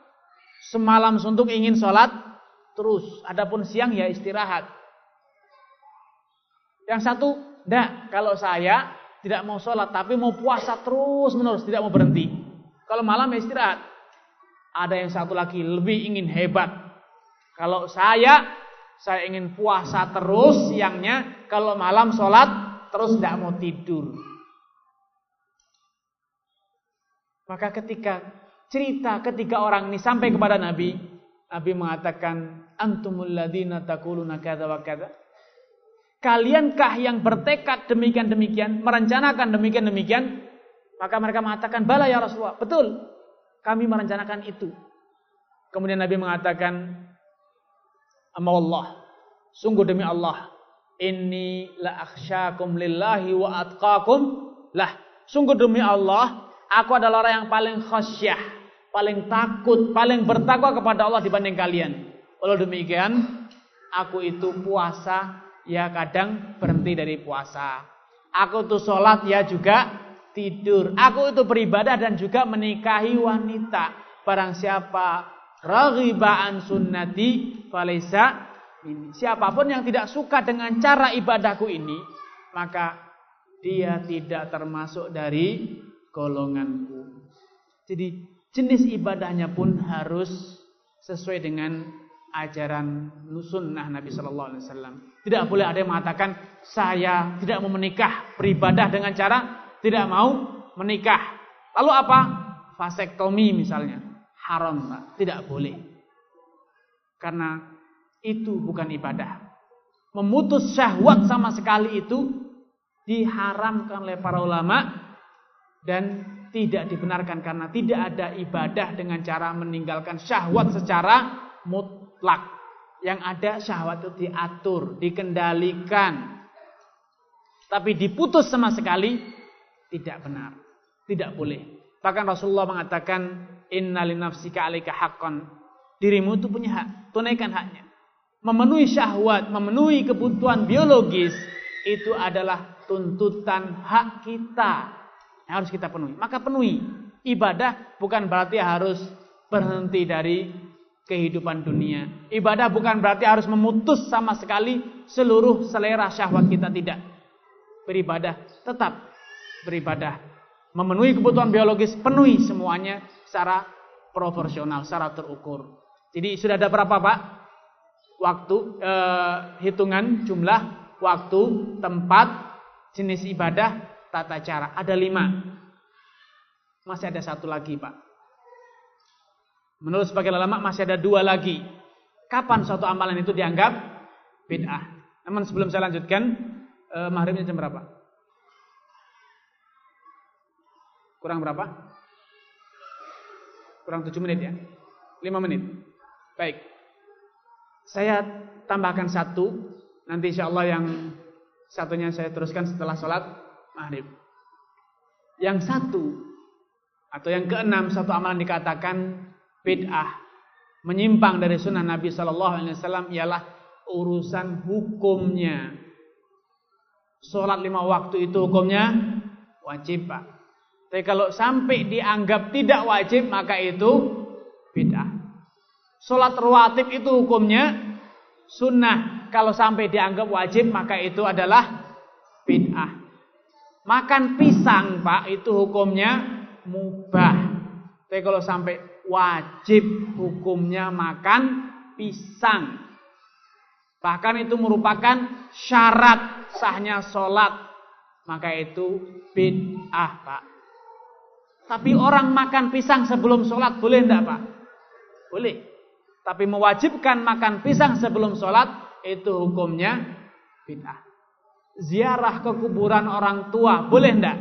Sunnah pak. Zurul kubur fa innaha tudzakirukumul maut. Ziarah ke kuburan karena itu mengingatkan kalian akan kematian. Tapi kalau saya mengatakan tidak sah hajinya kalau sebelum berangkat haji belum ziarah kuburan orang tuanya. Sebelum haji belum ziarah kuburan kiainya, gurunya. Ini adalah bid'ah. Tapi kalau ada orang ziarah kuburan selanjutnya berangkat haji tanpa ada dikait-kaitkan, tanpa diwajibkan, maka boleh itu bagus. Tapi jangan diwajibkan. Jangan ziarah kuburan kapan saja. Kapan saja tidak harus ketika hendak berangkat haji. Membaca Al-Quran kapan saja. Jadi kalau membaca Al-Quran nunggu bapaknya mati. Jadi kalau bapaknya mati baru baca Al-Quran. Kemarin ke mana? Hendak ngaji. Kalau bapaknya mati baru ngaji. Jadi ngaji itu nunggu bapaknya mati. Ya, kalau ndak ngaji, ndak bapaknya mati, ndak usah ngaji. Kalau bapak mati baru ngaji. Lah ini yang perlu ditanyakan. Kenapa mesti nunggu bapaknya mati untuk ngaji? Ngaji itu kapan saja. Membaca tasbih kapan saja. Boleh dianjurkan sebanyak-banyaknya. Tapi kalau diyakini menguburkan mayit kalau belum baca tasbih tidak sah harus dikeluarkan lagi baru dimasukkan ulang kalau sudah baca tasbih. Nah ini yang masalah. Baca istighfar baca tahlil la ilaha illallah baca tahmid alhamdulillah. Ini kapan saja. Sunnah hukumnya pak. Yang orang tuanya meninggal atau yang tidak meninggal yang punya anaknya lahir atau tidak lahir sama saja. Kapan saja disyariatkan membaca tasbih subhanallah, alhamdulillah atau tahlil atau la ilaha illallah ataupun takbir. Nah, kalau dikatakan tahlil itu hanya nunggu mbahnya kalau meninggal dunia. Kalau belum meninggal dunia belum wajib. Ndak afdol. Nah inilah masalah. Kenapa membaca la ilaha itu nunggu orang meninggal dunia? Kenapa ziarah kuburannya nunggu kalau mau berangkat haji? Ini masalah. Ziarah kuburan kapan saja. Ada lagi yang mengatakan ziarah kuburan itu sunnahnya kalau di bulan Rojab. Kalau tidak bulan Rojab, tidak usah ziarah kuburan. Kok darang ziarah kuburan? Belum Rojab kok ziarah kuburan. Subhanallah, ziarah kuburan itu kapan saja. Hukumnya sunnah. Tapi kalau sudah diwajibkan, nah ini yang jadi masalah. Jadi hukumnya, hukum harus tepat. Tidak boleh diwajibkan yang tidak wajib. Dan juga tidak boleh sebaliknya. Sholat lima waktu itu mubah seperti tadi. Imam Ghazali sampai mengatakan, barang siapa yang meyakini bahwa sholat lima waktu itu tidak wajib, maka dia itu wajib disingkirkan, dihukumi, dibunuh kata Imam Ghazali. Kenapa? Telah merubah hukum Allah Subhanahu wa taala. Ini yang bisa saya sampaikan insyaallah. Yang ke ketujuhnya akan saya sampaikan setelah salat maghrib biidznillah azza wa jalla Allah taala alam. Bismillahirrahmanirrahim. Assalamualaikum warahmatullahi wabarakatuh. Alhamdulillah wassalatu wassalamu ala Rasulillah wa ala alihi wa ashabihi wa man sara ala nahjihi wa iktafa athar wastana bi sunnatihi ila yaumil amma ba'd.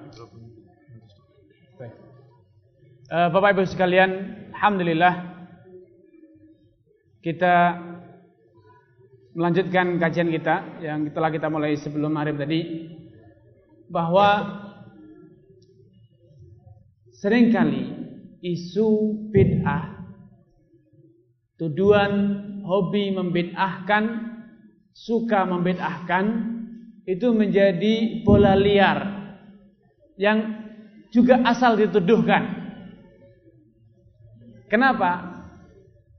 Ini terjadi karena kita sendiri juga ternyata banyak yang belum memahami kapan suatu amalan itu dikatakan bid'ah. Karena itu tadi saya menjelaskan sebelum maghrib bahwa ada enam hal yang bila tidak terpenuhi dalam satu ibadah, ibadah tersebut bisa dikatakan sebagai amalan bid'ah. Saya akan ulang yang pertama jenis amalannya. Sehingga kalau ada orang beribadah dengan jenis amalan yang tidak ada contohnya dari Nabi, seperti semedi, berendam di air dan lain sebagainya. Ini adalah satu amalan bid'ah. Karena urusan ibadah kita tidak bisa rekayasa, tidak bisa inovasi.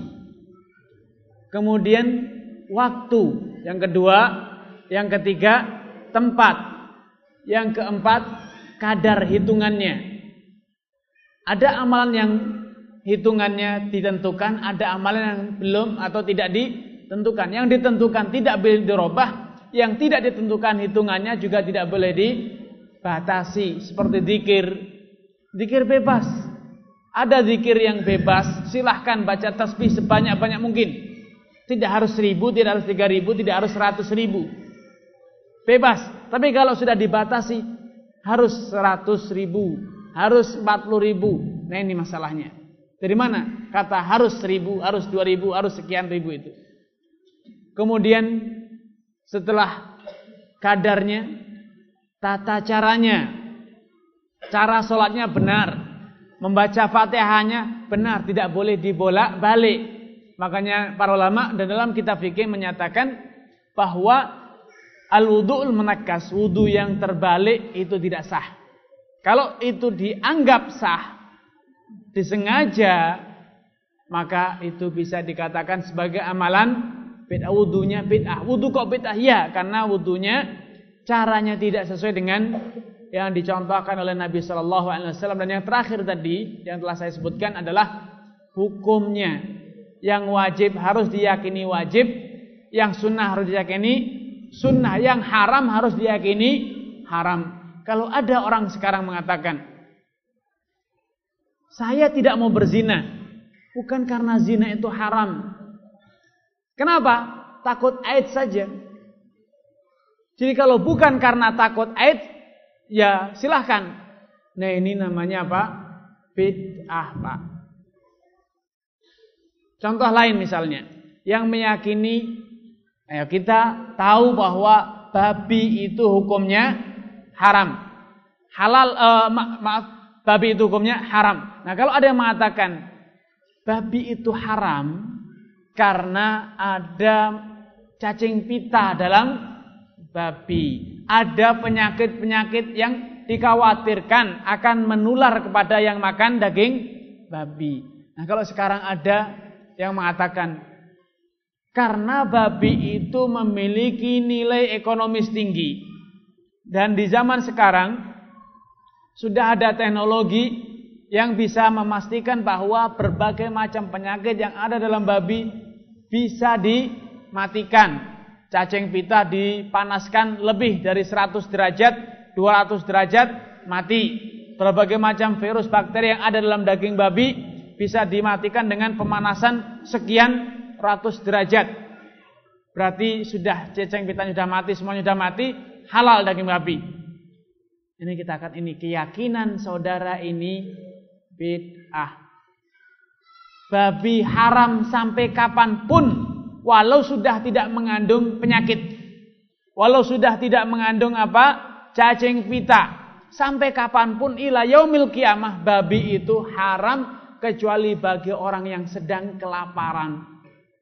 Kalau tidak makan maka akan mati adanya hanya daging babi dalam kondisi darurat.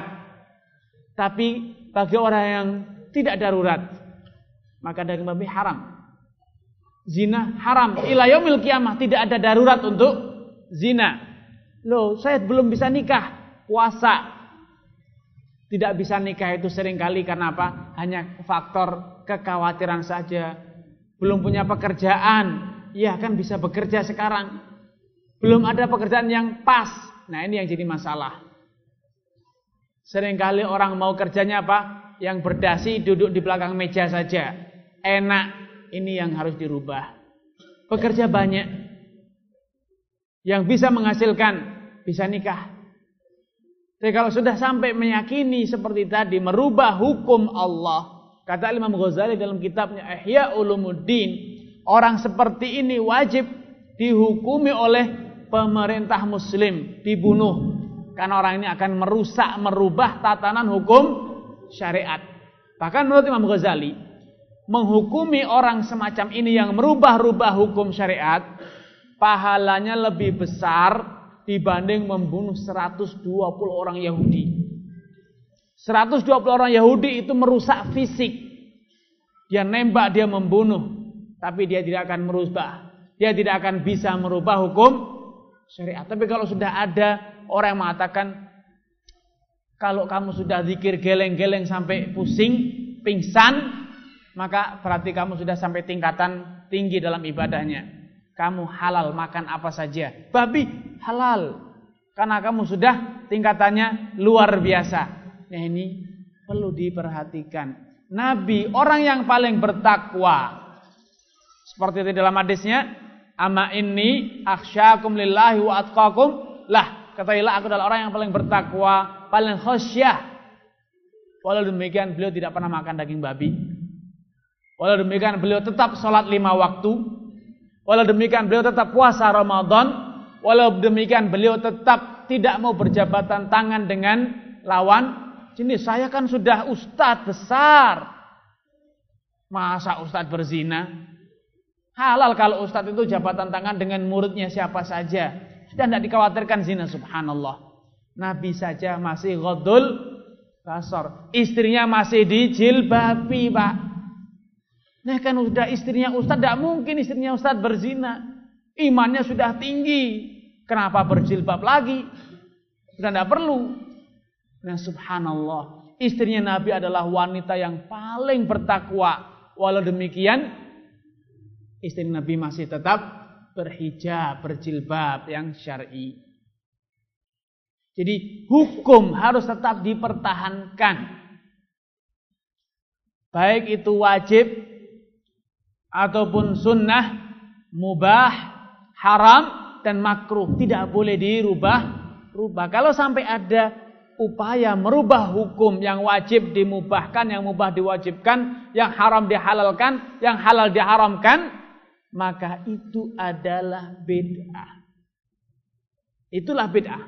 Jadi ada enam pintu bid'ah yang dijelaskan oleh para ulama dan inilah keenam sebab kapan amalan itu dikatakan bid'ah. Asal terpenuhi satu dari keenam kriteria ini, maka semuanya itu dianggap bid'ah. Sebagian ulama menambahkan satu. Walaupun keenam ini adalah yang paling masyhur sebab suatu amalan dikatakan bid'ah, ada sebagian ulama lagi mengatakan ada satu tambahan yaitu amalan ibadah tersebut tidak meresahkan, tidak mengganggu orang lain. Contohnya, sama-sama sholat berjamaah. Ketika sujud, ada yang mengatakan biar lebih khusyuk, lebih uh, nuansa ibadahnya lebih bagus dan lebih gayeng kata orang kalau bertasbih dengan keras subhanallah.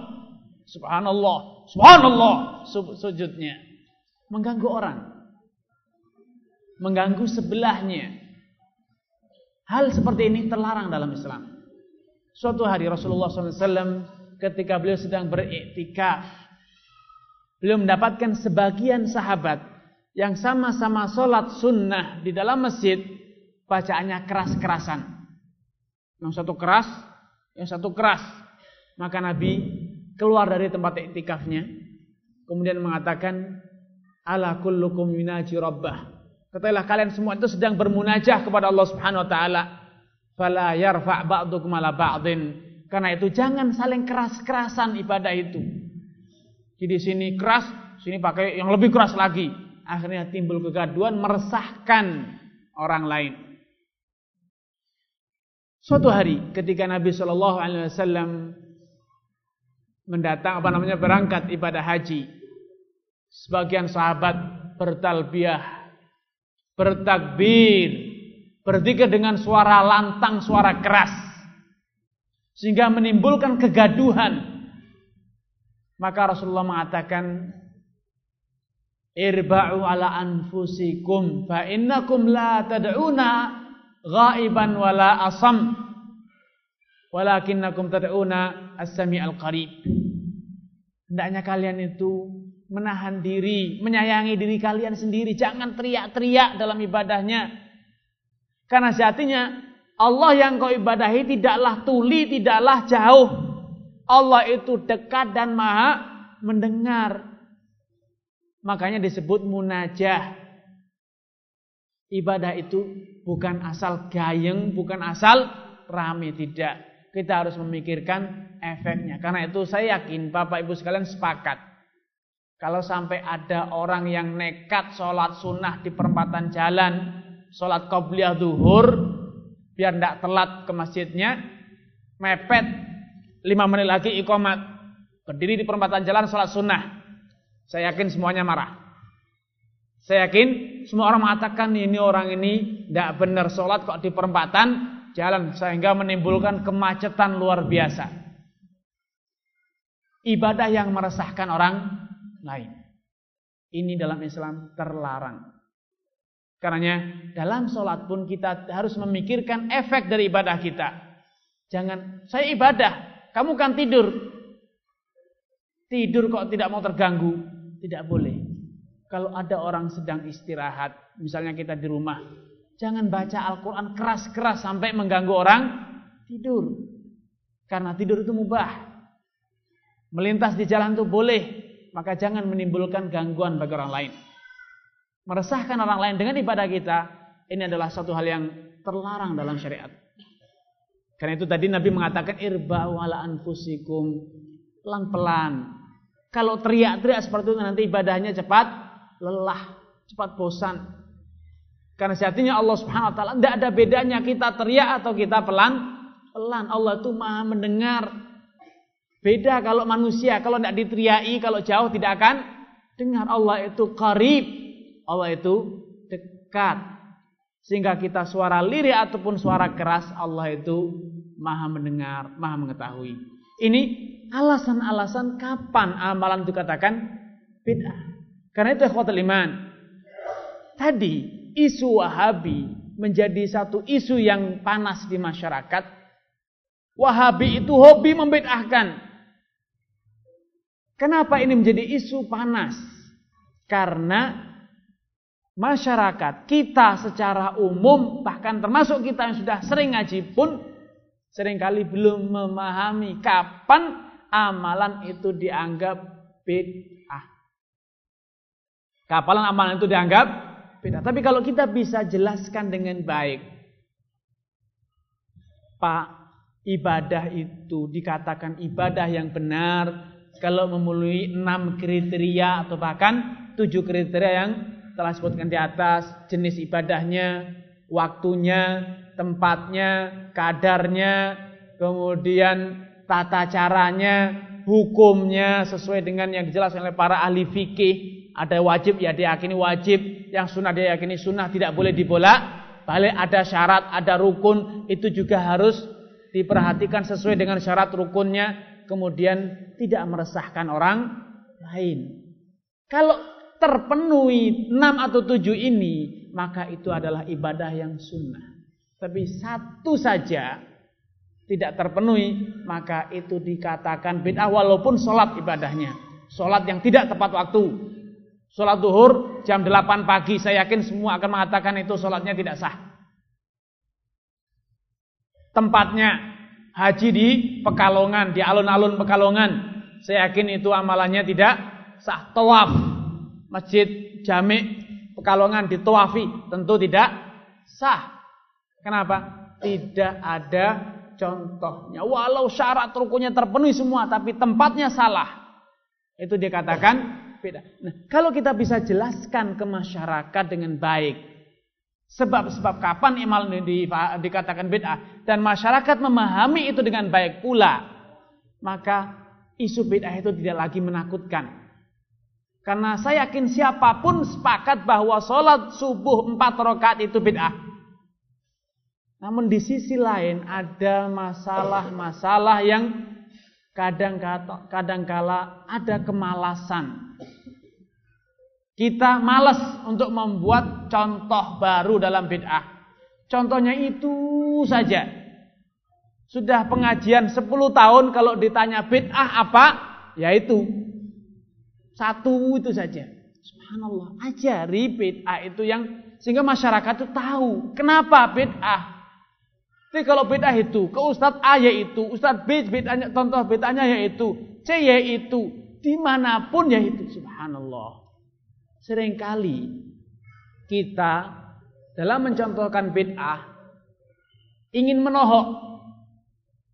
Pokoknya kamu salah, saya akan katakan salah titik tidak disiapkan kondisinya dulu, dijelaskan Pak. Ibadah itu, ibadah itu harus memenuhi enam syarat, enam kriteria atau tujuh. Kalau sudah memahami, dia akan mengatakan, oh iya, itu berarti tidak benar juga karena tidak ada contohnya. Ibadah bukan hanya modal semangat Pak, harus memenuhi kriteria-kriteria ibadah. Yang sering jadi masalah karena kita tidak siap menjelaskan atau bahkan tidak bisa menjelaskan langsung memberi contoh yang sudah menjadi tradisi masyarakat. Akibatnya masyarakat hobi dibilang kamu anak ingusan kemarin sore yang nyeboi kamu itu saya, yang ngelap umbelmu itu saya. Lah kok sekarang kamu bilang bid'ah bid'ah yang ngajari kamu lahir itu alif bakta itu saya. Lalu sekarang kamu datang ke saya, Pak Kiai, ini bid'ah. Anak kemarin sore bid'ah bedain orang tua. Nah ini, ini masalah.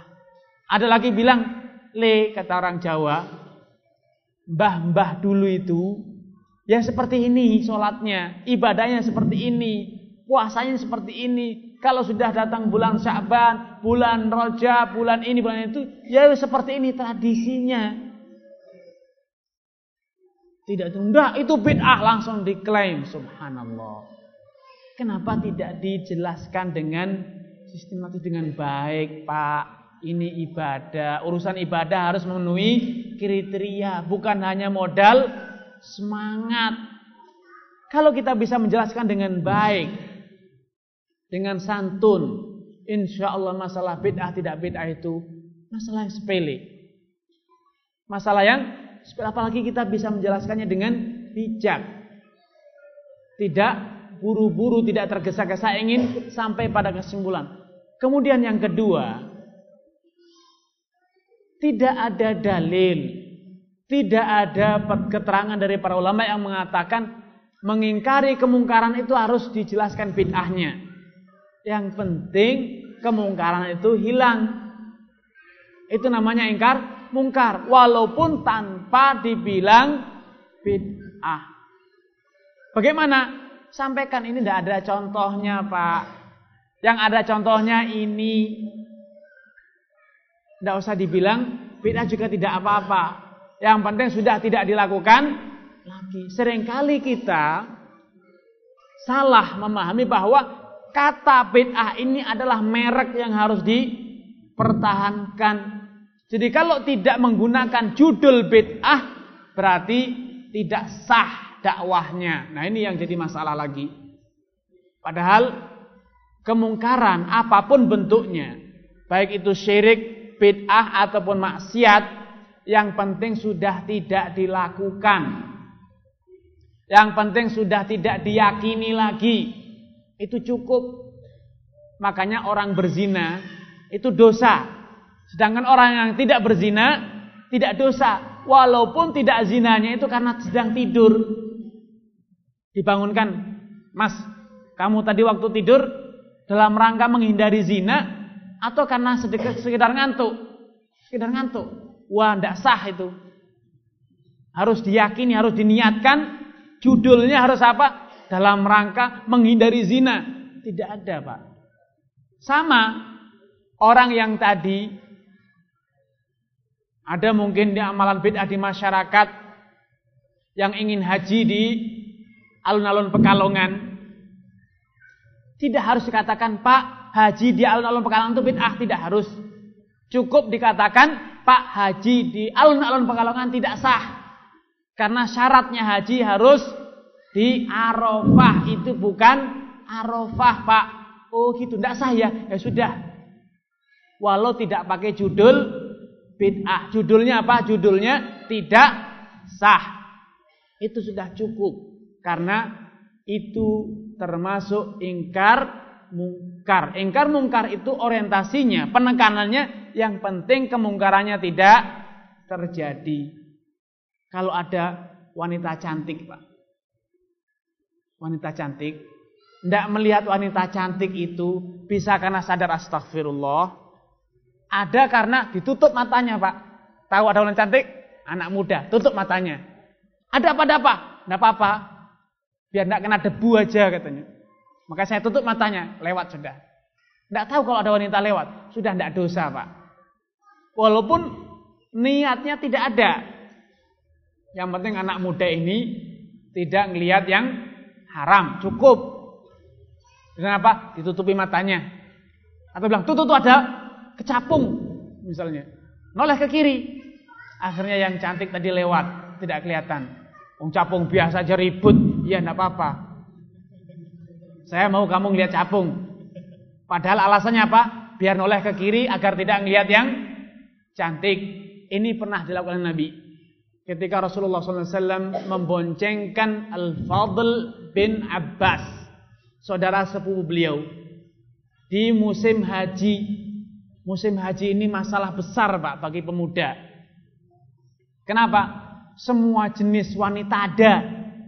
Dari yang tinggi, pendek, tua, muda, hitam, putih, pesek, mancung, ada semua. Fadl bin Abbas, anak muda, darah muda. Di Mina beliau bonceng Nabi Shallallahu Alaihi Wasallam naik onta. Sedang Nabi naik onta, datanglah segerombolan wanita dari Khotham. Dari kabilah Khotham. Ada wanita cantik luar biasa.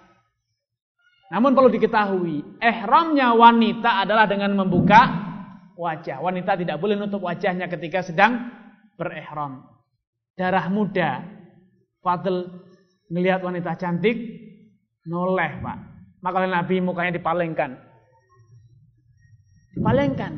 Walaupun Fadl tadi berpaling bukan dalam rangka meninggalkan yang haram. Tapi kenapa? Karena didorong wajahnya oleh Nabi. Kalau tidak didorong dia akan melihat Pak. Tapi itu sudah cukup. Yang penting dosanya tidak terjadi. Salahnya kita sering kali ketika menjelaskan ke masyarakat harus menggunakan judul. Padahal judul dalam ingkar mungkar tidak penting. Yang penting kemungkarannya tidak terjadi. Walau tidak menggunakan kata-kata bid'ah. Cukup dengan kata-kata tidak sah. Tidak afdol. Tidak sesuai sunnah Nabi. Tidak diajarkan Nabi. Itu cukup. Yang penting kemungkarannya tidak terjadi. Jadi pertama jelaskanlah kenapa amalan itu bid'ah. Kemudian kedua, kata bid'ah itu tidak harus diucapkan. Yang penting kemungkarannya tidak dilakukan. Bid'ah itu tidak dilakukan di masyarakat. Kemudian yang ketiga, dan ini yang sering kali menjadi awal masalah. Para da'i, baik yang berstatus sebagai ustadz ataupun masyarakat biasa yang punya ghirah, punya semangat ingin mengajarkan Islam, mengajarkan sunnah, mengingkari kemungkaran. Walaupun tidak berstatus sebagai ustadz, walaupun tidak berstatus sebagai juru ceramah. Seringkali kemantepan itu menjadi motivasi. Bukan lillahi azza wa jal. Kemareman. Saya kalau tidak saya marahi sampai habis, saya tidak mantep. Saya tadi sebelum Arif dibilang, Ustaz ceramahnya tidak menggigit. Dalam hati saya, Alhamdulillah saya bukan harimau. Kalau ceramah saya yang gigit, berdarah-darah antum. Ini adalah bentuk bid'ah baru. Belajar ilmu standarnya bukan dalil Al-Quran atau sunnah. Standarnya apa? Marem, rasa nokon saiki. Kata orang. Kemarin dibilang jenggoten kayak bandot. Sekarang dibilang bid'ah, bid'ah sama ustadz saya. Nah inilah bentuk bid'ah. Dakwah standarnya marem. Dakwah itu standarnya apa? Dalil Al-Quran atau sunnah, bukan menggigit. Salah besar kalau antum cari ilmu standarnya apa? Ah, ini ustadz ini marem. Standar kok marem. Ada lagi ini ustadznya yang gigit kalau ceramah. Harimau kalau mau cari ustadz yang gigit. Jangan cari ustadz manusia. Kecuali Sumanto. Gigit, ya. Tapi yang lainnya tidak boleh. Standarnya itu gigit. Standarnya itu marem, mantep. Tidak boleh. Perasaan harus dipisahkan dari kebenaran. Standar kebenaran itu Al-Quran dan As-Sunnah. Antum maram tidak maram itu urusan antum. Tapi benar atau tidak benar, sunnah atau bid'ah standarnya apa? Al-Quran atau sunnah. Wa ma atakumur rasul fakhudhuh. Wa ma nahakum anhu fantahu. Apa pun yang diajarkan Nabi, Lakukan. Yang dilarang, tinggalkan. Walau marem. Walau marem, tinggalkan. Seperti tadi yang sholat sunnah atau sholat subuh. Sepuluh rakaat lebih marem dibanding yang sholat subuhnya cuma dua rakaat. Tinggalkan, jangan dilakukan. Walau marem. Mantep. Lebih menggigit. Kalau ceramah, bid'ah, bid'ah, bid'ah, mubtadi, kafir, musyrik, syirik, semua. Gigit kayak harimau tinggalkan. Nabi itu mengajarkan dakwah dengan apa? Ud'u ila sabili rabbika bil hikmati wal mau'izatil hasanah. Menyampaikan mau'izah peringatan itu dengan yang baik. Kalau mau berdebat, berdiskusi pun dengan wajadilhum billati hiya hasan. Diskusi yang adem, yang santun, yang sopan, bukan debat kusir. Bukan asal berani teriak, tidak. Suatu hari datang sahabat yang pada awalnya pola pikirnya marem. Kalau ndak marem, ndak Sahabat tersebut adalah seorang peternak. Dia punya kambing yang banyak sekali. Dia berkata, "Ya Rasulullah, ma yajuzu fil udhiyah?" Ya Rasulullah, apa yang boleh saya kambing seperti apakah yang boleh saya jadikan sebagai hewan korban? Maka Nabi menjelaskan arbaun la yajuzna fil udhiyah. Ada empat cacat yang tidak boleh ada pada hewan korban.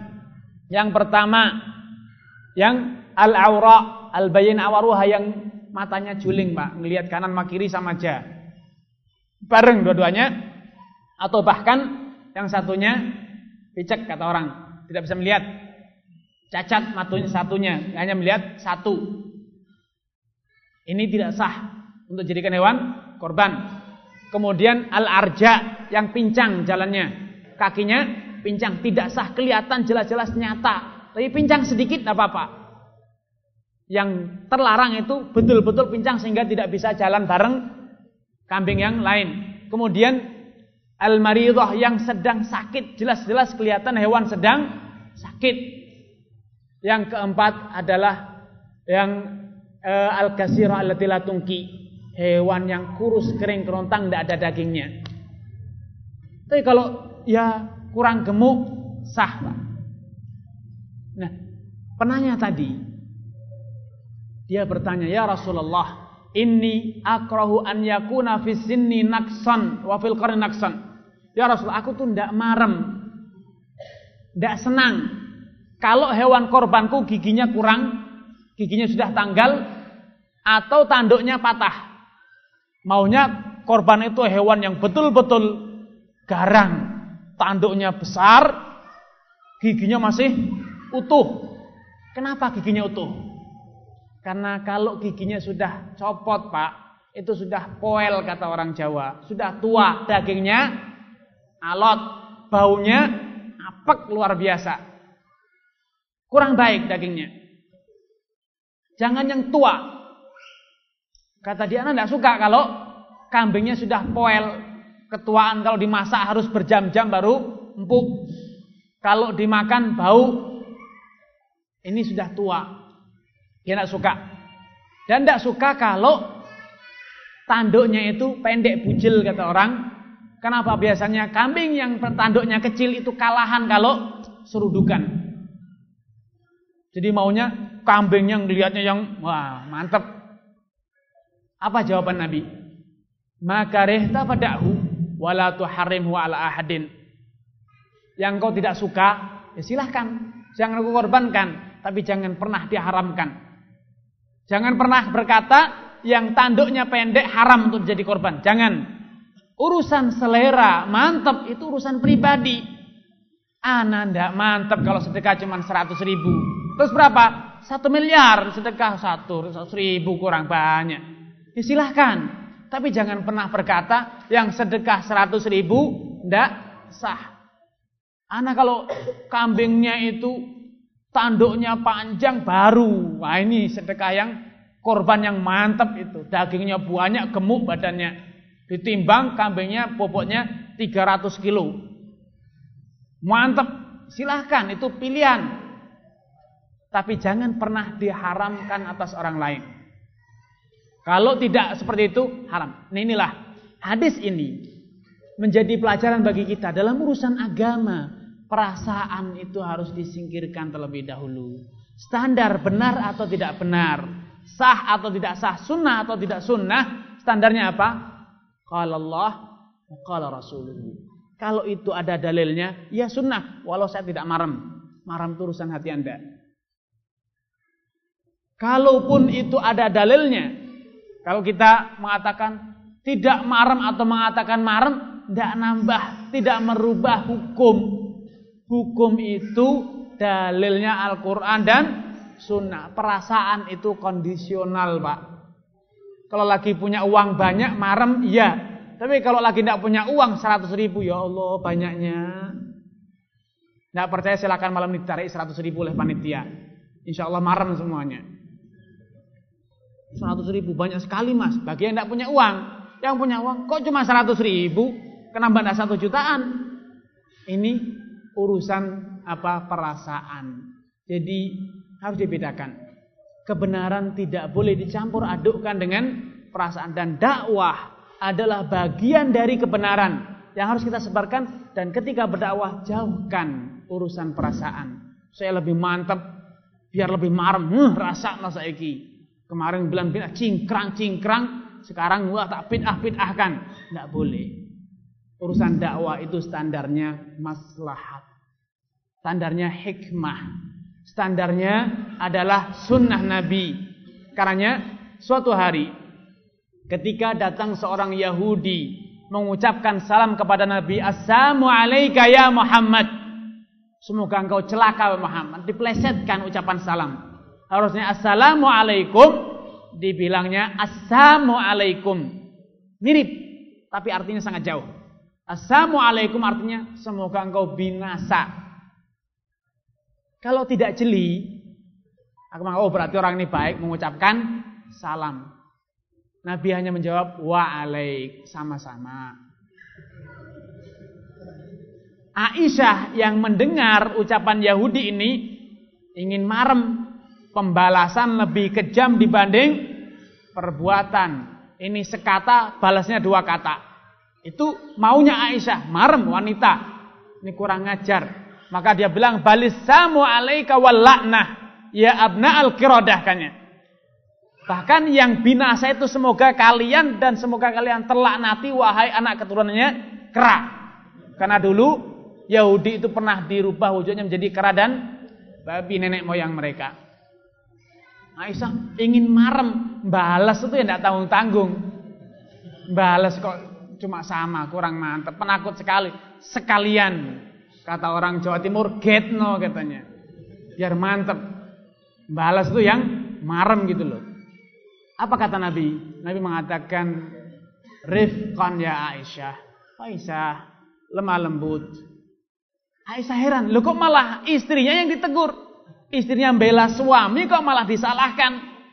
Maka Aisyah mengatakan, "Ya Rasulullah, ama sami'ta maqal?" Ya Rasulullah, apa engkau tidak mendengar, tidak perhatian apa yang diucapkan Yahudi itu? Nabi mengatakan dengan tenangnya, "Bala, aku mendengar." Kemudian Nabi mengatakan lagi, "Awa sami'ti maqult?" Dan apa engkau juga tidak mendengar apa jawabanku? Aku kan sudah bilang sama-sama. Kemudian Nabi menjelaskan yustajabu lana wa la yustajabu. Kalau urusan doa yang dikabulkan itu pasti doanya orang Islam, doanya kita, doanya Yahudi tidak akan dikabulkan.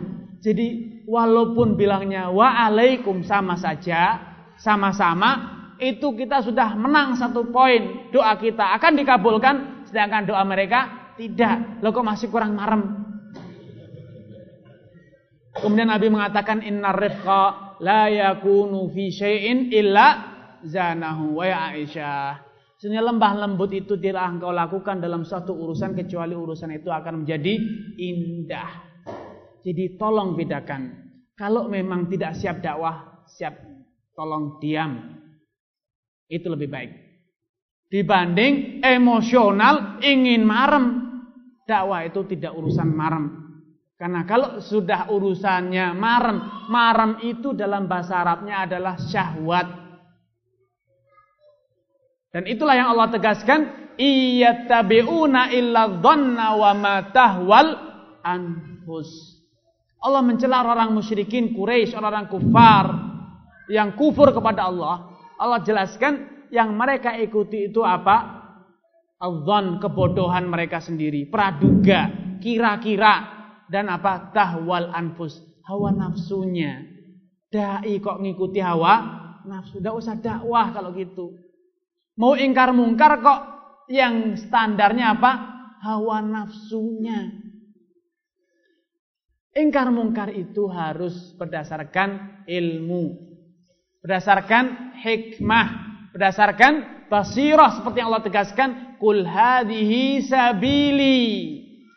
Ad'u ilallah ala basiratin ana wa manittaba'ani. Katakan Muhammad, ajarkan kepada umatku, inilah jalanku. Inilah ajaranku.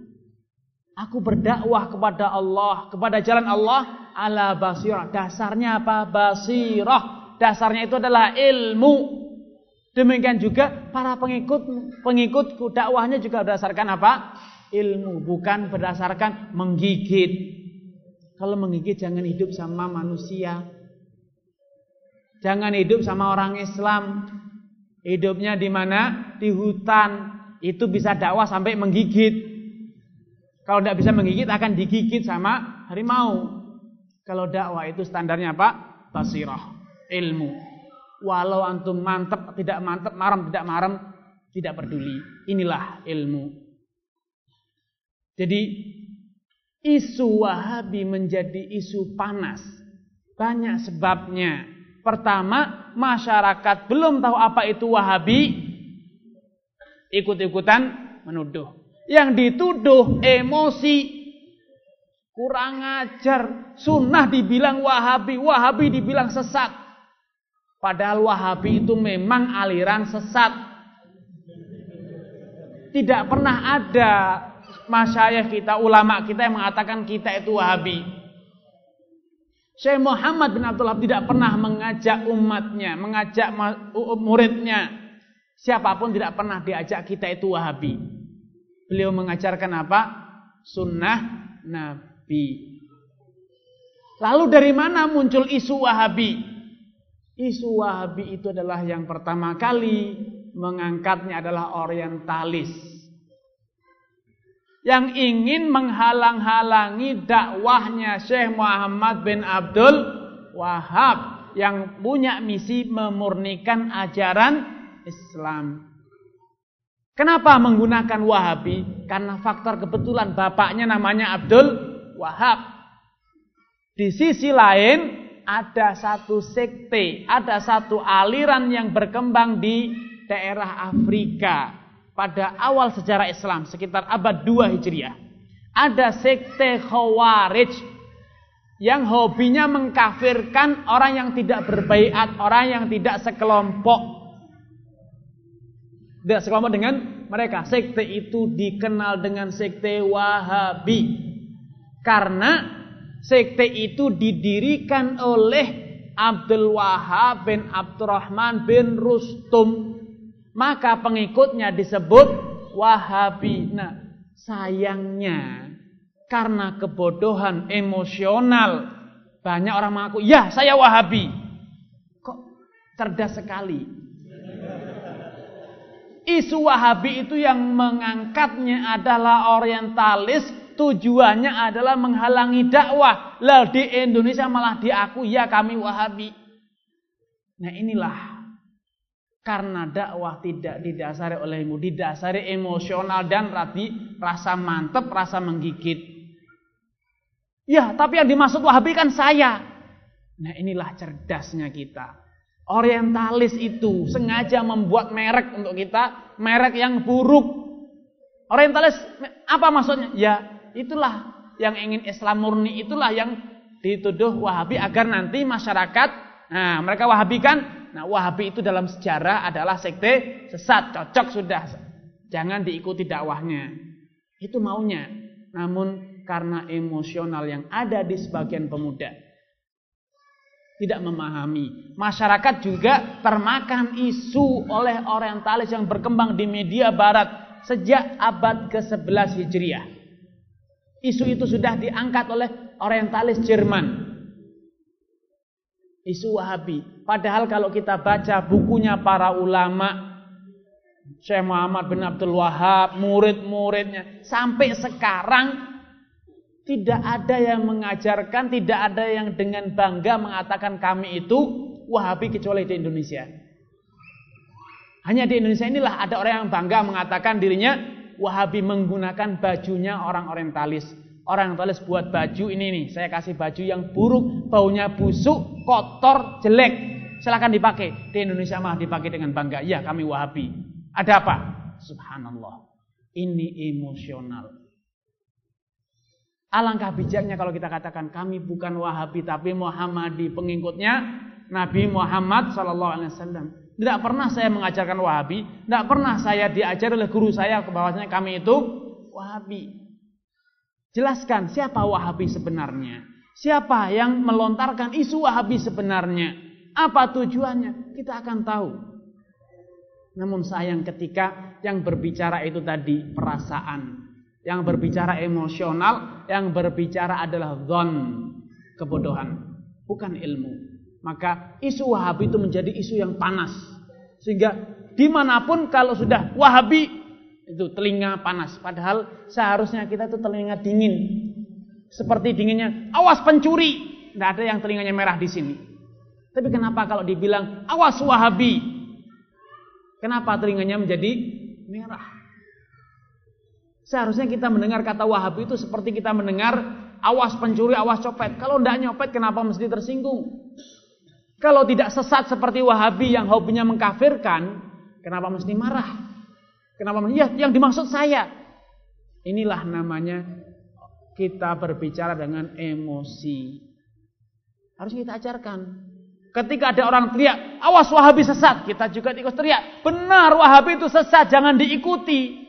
Karena Wahabi itu demikian demikian. Sejarahnya Wahabi mengkafirkan memang sekte Khawarij yang tidak dalam kelompoknya dikatakan kafir. Maka orang akan bilang, lo dibilang Wahabi, kok malah teriak Wahabi juga? Berarti bukan Wahabi dong. Ya, bukan Wahabi. Tapi Muhammadi pengikutnya Nabi Muhammad. Sehingga nanti ketika di belakang masyarakat, saya bilang Wahabi, Wahabi sesat, dia malah bilang, benar Pak, ayo kalau ada Wahabi pekalongan kita usir aja. Wahabi sesat. Dia akan bilang ke teman-temannya, dia bukan Wahabi. Oh malah ngajak ngusir Wahabi kok. Tapi kalau kita marah, kurang ngajar, wahabi, wahabi. Oh itu kan kata orang ayam bertelur itu pasti berkok. Ini kalau ini kalau ndak wahabi kok marah kenapa? Kalau ndak mencuri kenapa mesti marah ya? Berarti pencuri orang ini. Itu strategi yang ingin diterapkan oleh orang talis bukhat ketika dia pertama kali melontarkan isu Wahabi. Makanya sampai saat ini para ulama itu menulis, menjelaskan, mengklarifikasi siapa sih sebenarnya Wahabi itu. Bukan malah ya saya Wahabi. Kenapa memang? Ini cerdas. Kalau ada copet, copet awas tangkap. Ya saya copet. Terus kenapa? Ya ditangkap. Kalau sudah tahu copet ngaku malah dicopet. Ini Wahabi tahu sekte sesat malah bilang ya saya Wahabi ya berarti Anda mengakui sebagai orang sesat.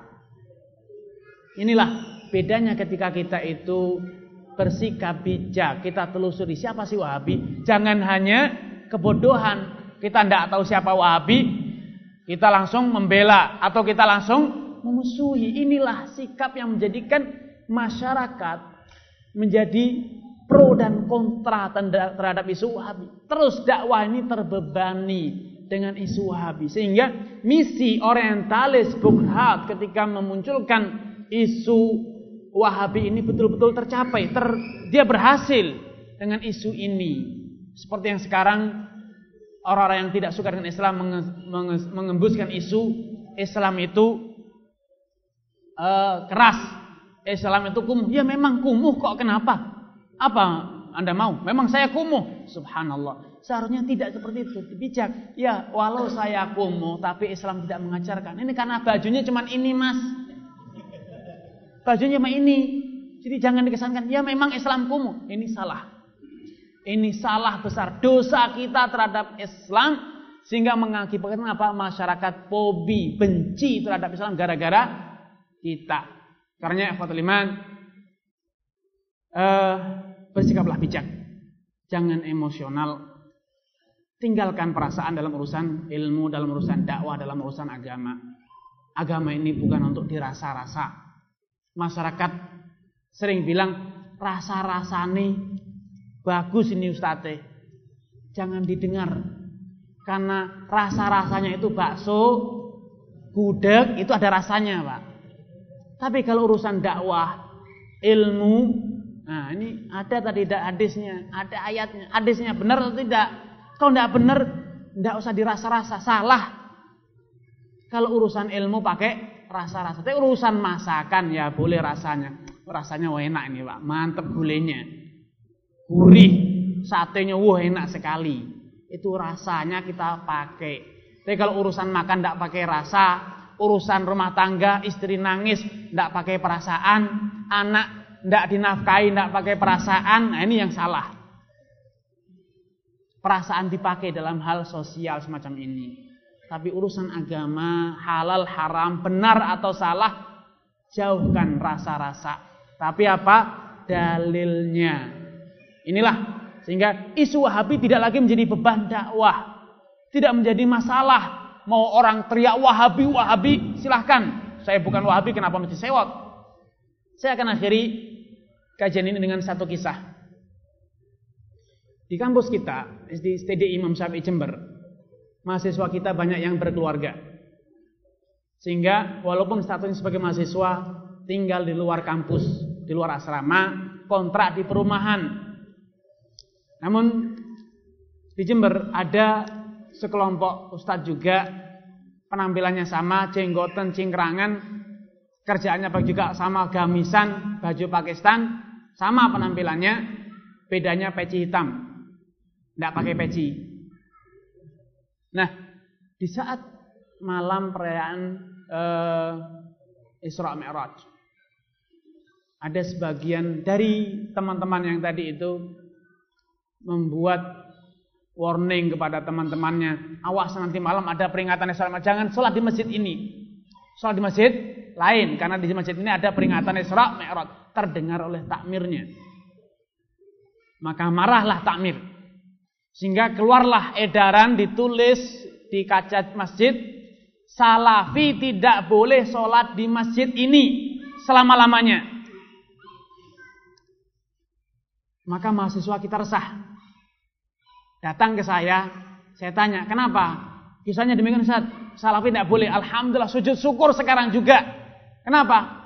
Antum kuliahnya di Imam Syafi'i. Bukan di Pondok Ma'had Salafi. Antum kuliah di mana? Di Imam Syafi'i. Jadi kalau nanti dibilang sama takmir, kok masih sholat di sini? Ya Pak, kami kuliahnya di Imam Syafi'i, bukan di Pondok As-Salafi. Karena di sana memang ada pondok namanya As-Salafi. Jadi gampang sampaikan kepada mereka, kami sekolahnya di Imam Syafi'i. Jadi kalau Bapak tidak ingin kami sholat sini, tolong ditulis yang Imam Syafi'i tidak boleh. Tidak akan berani pak. Karena Imam Syafi'i kan imamnya wong Jember.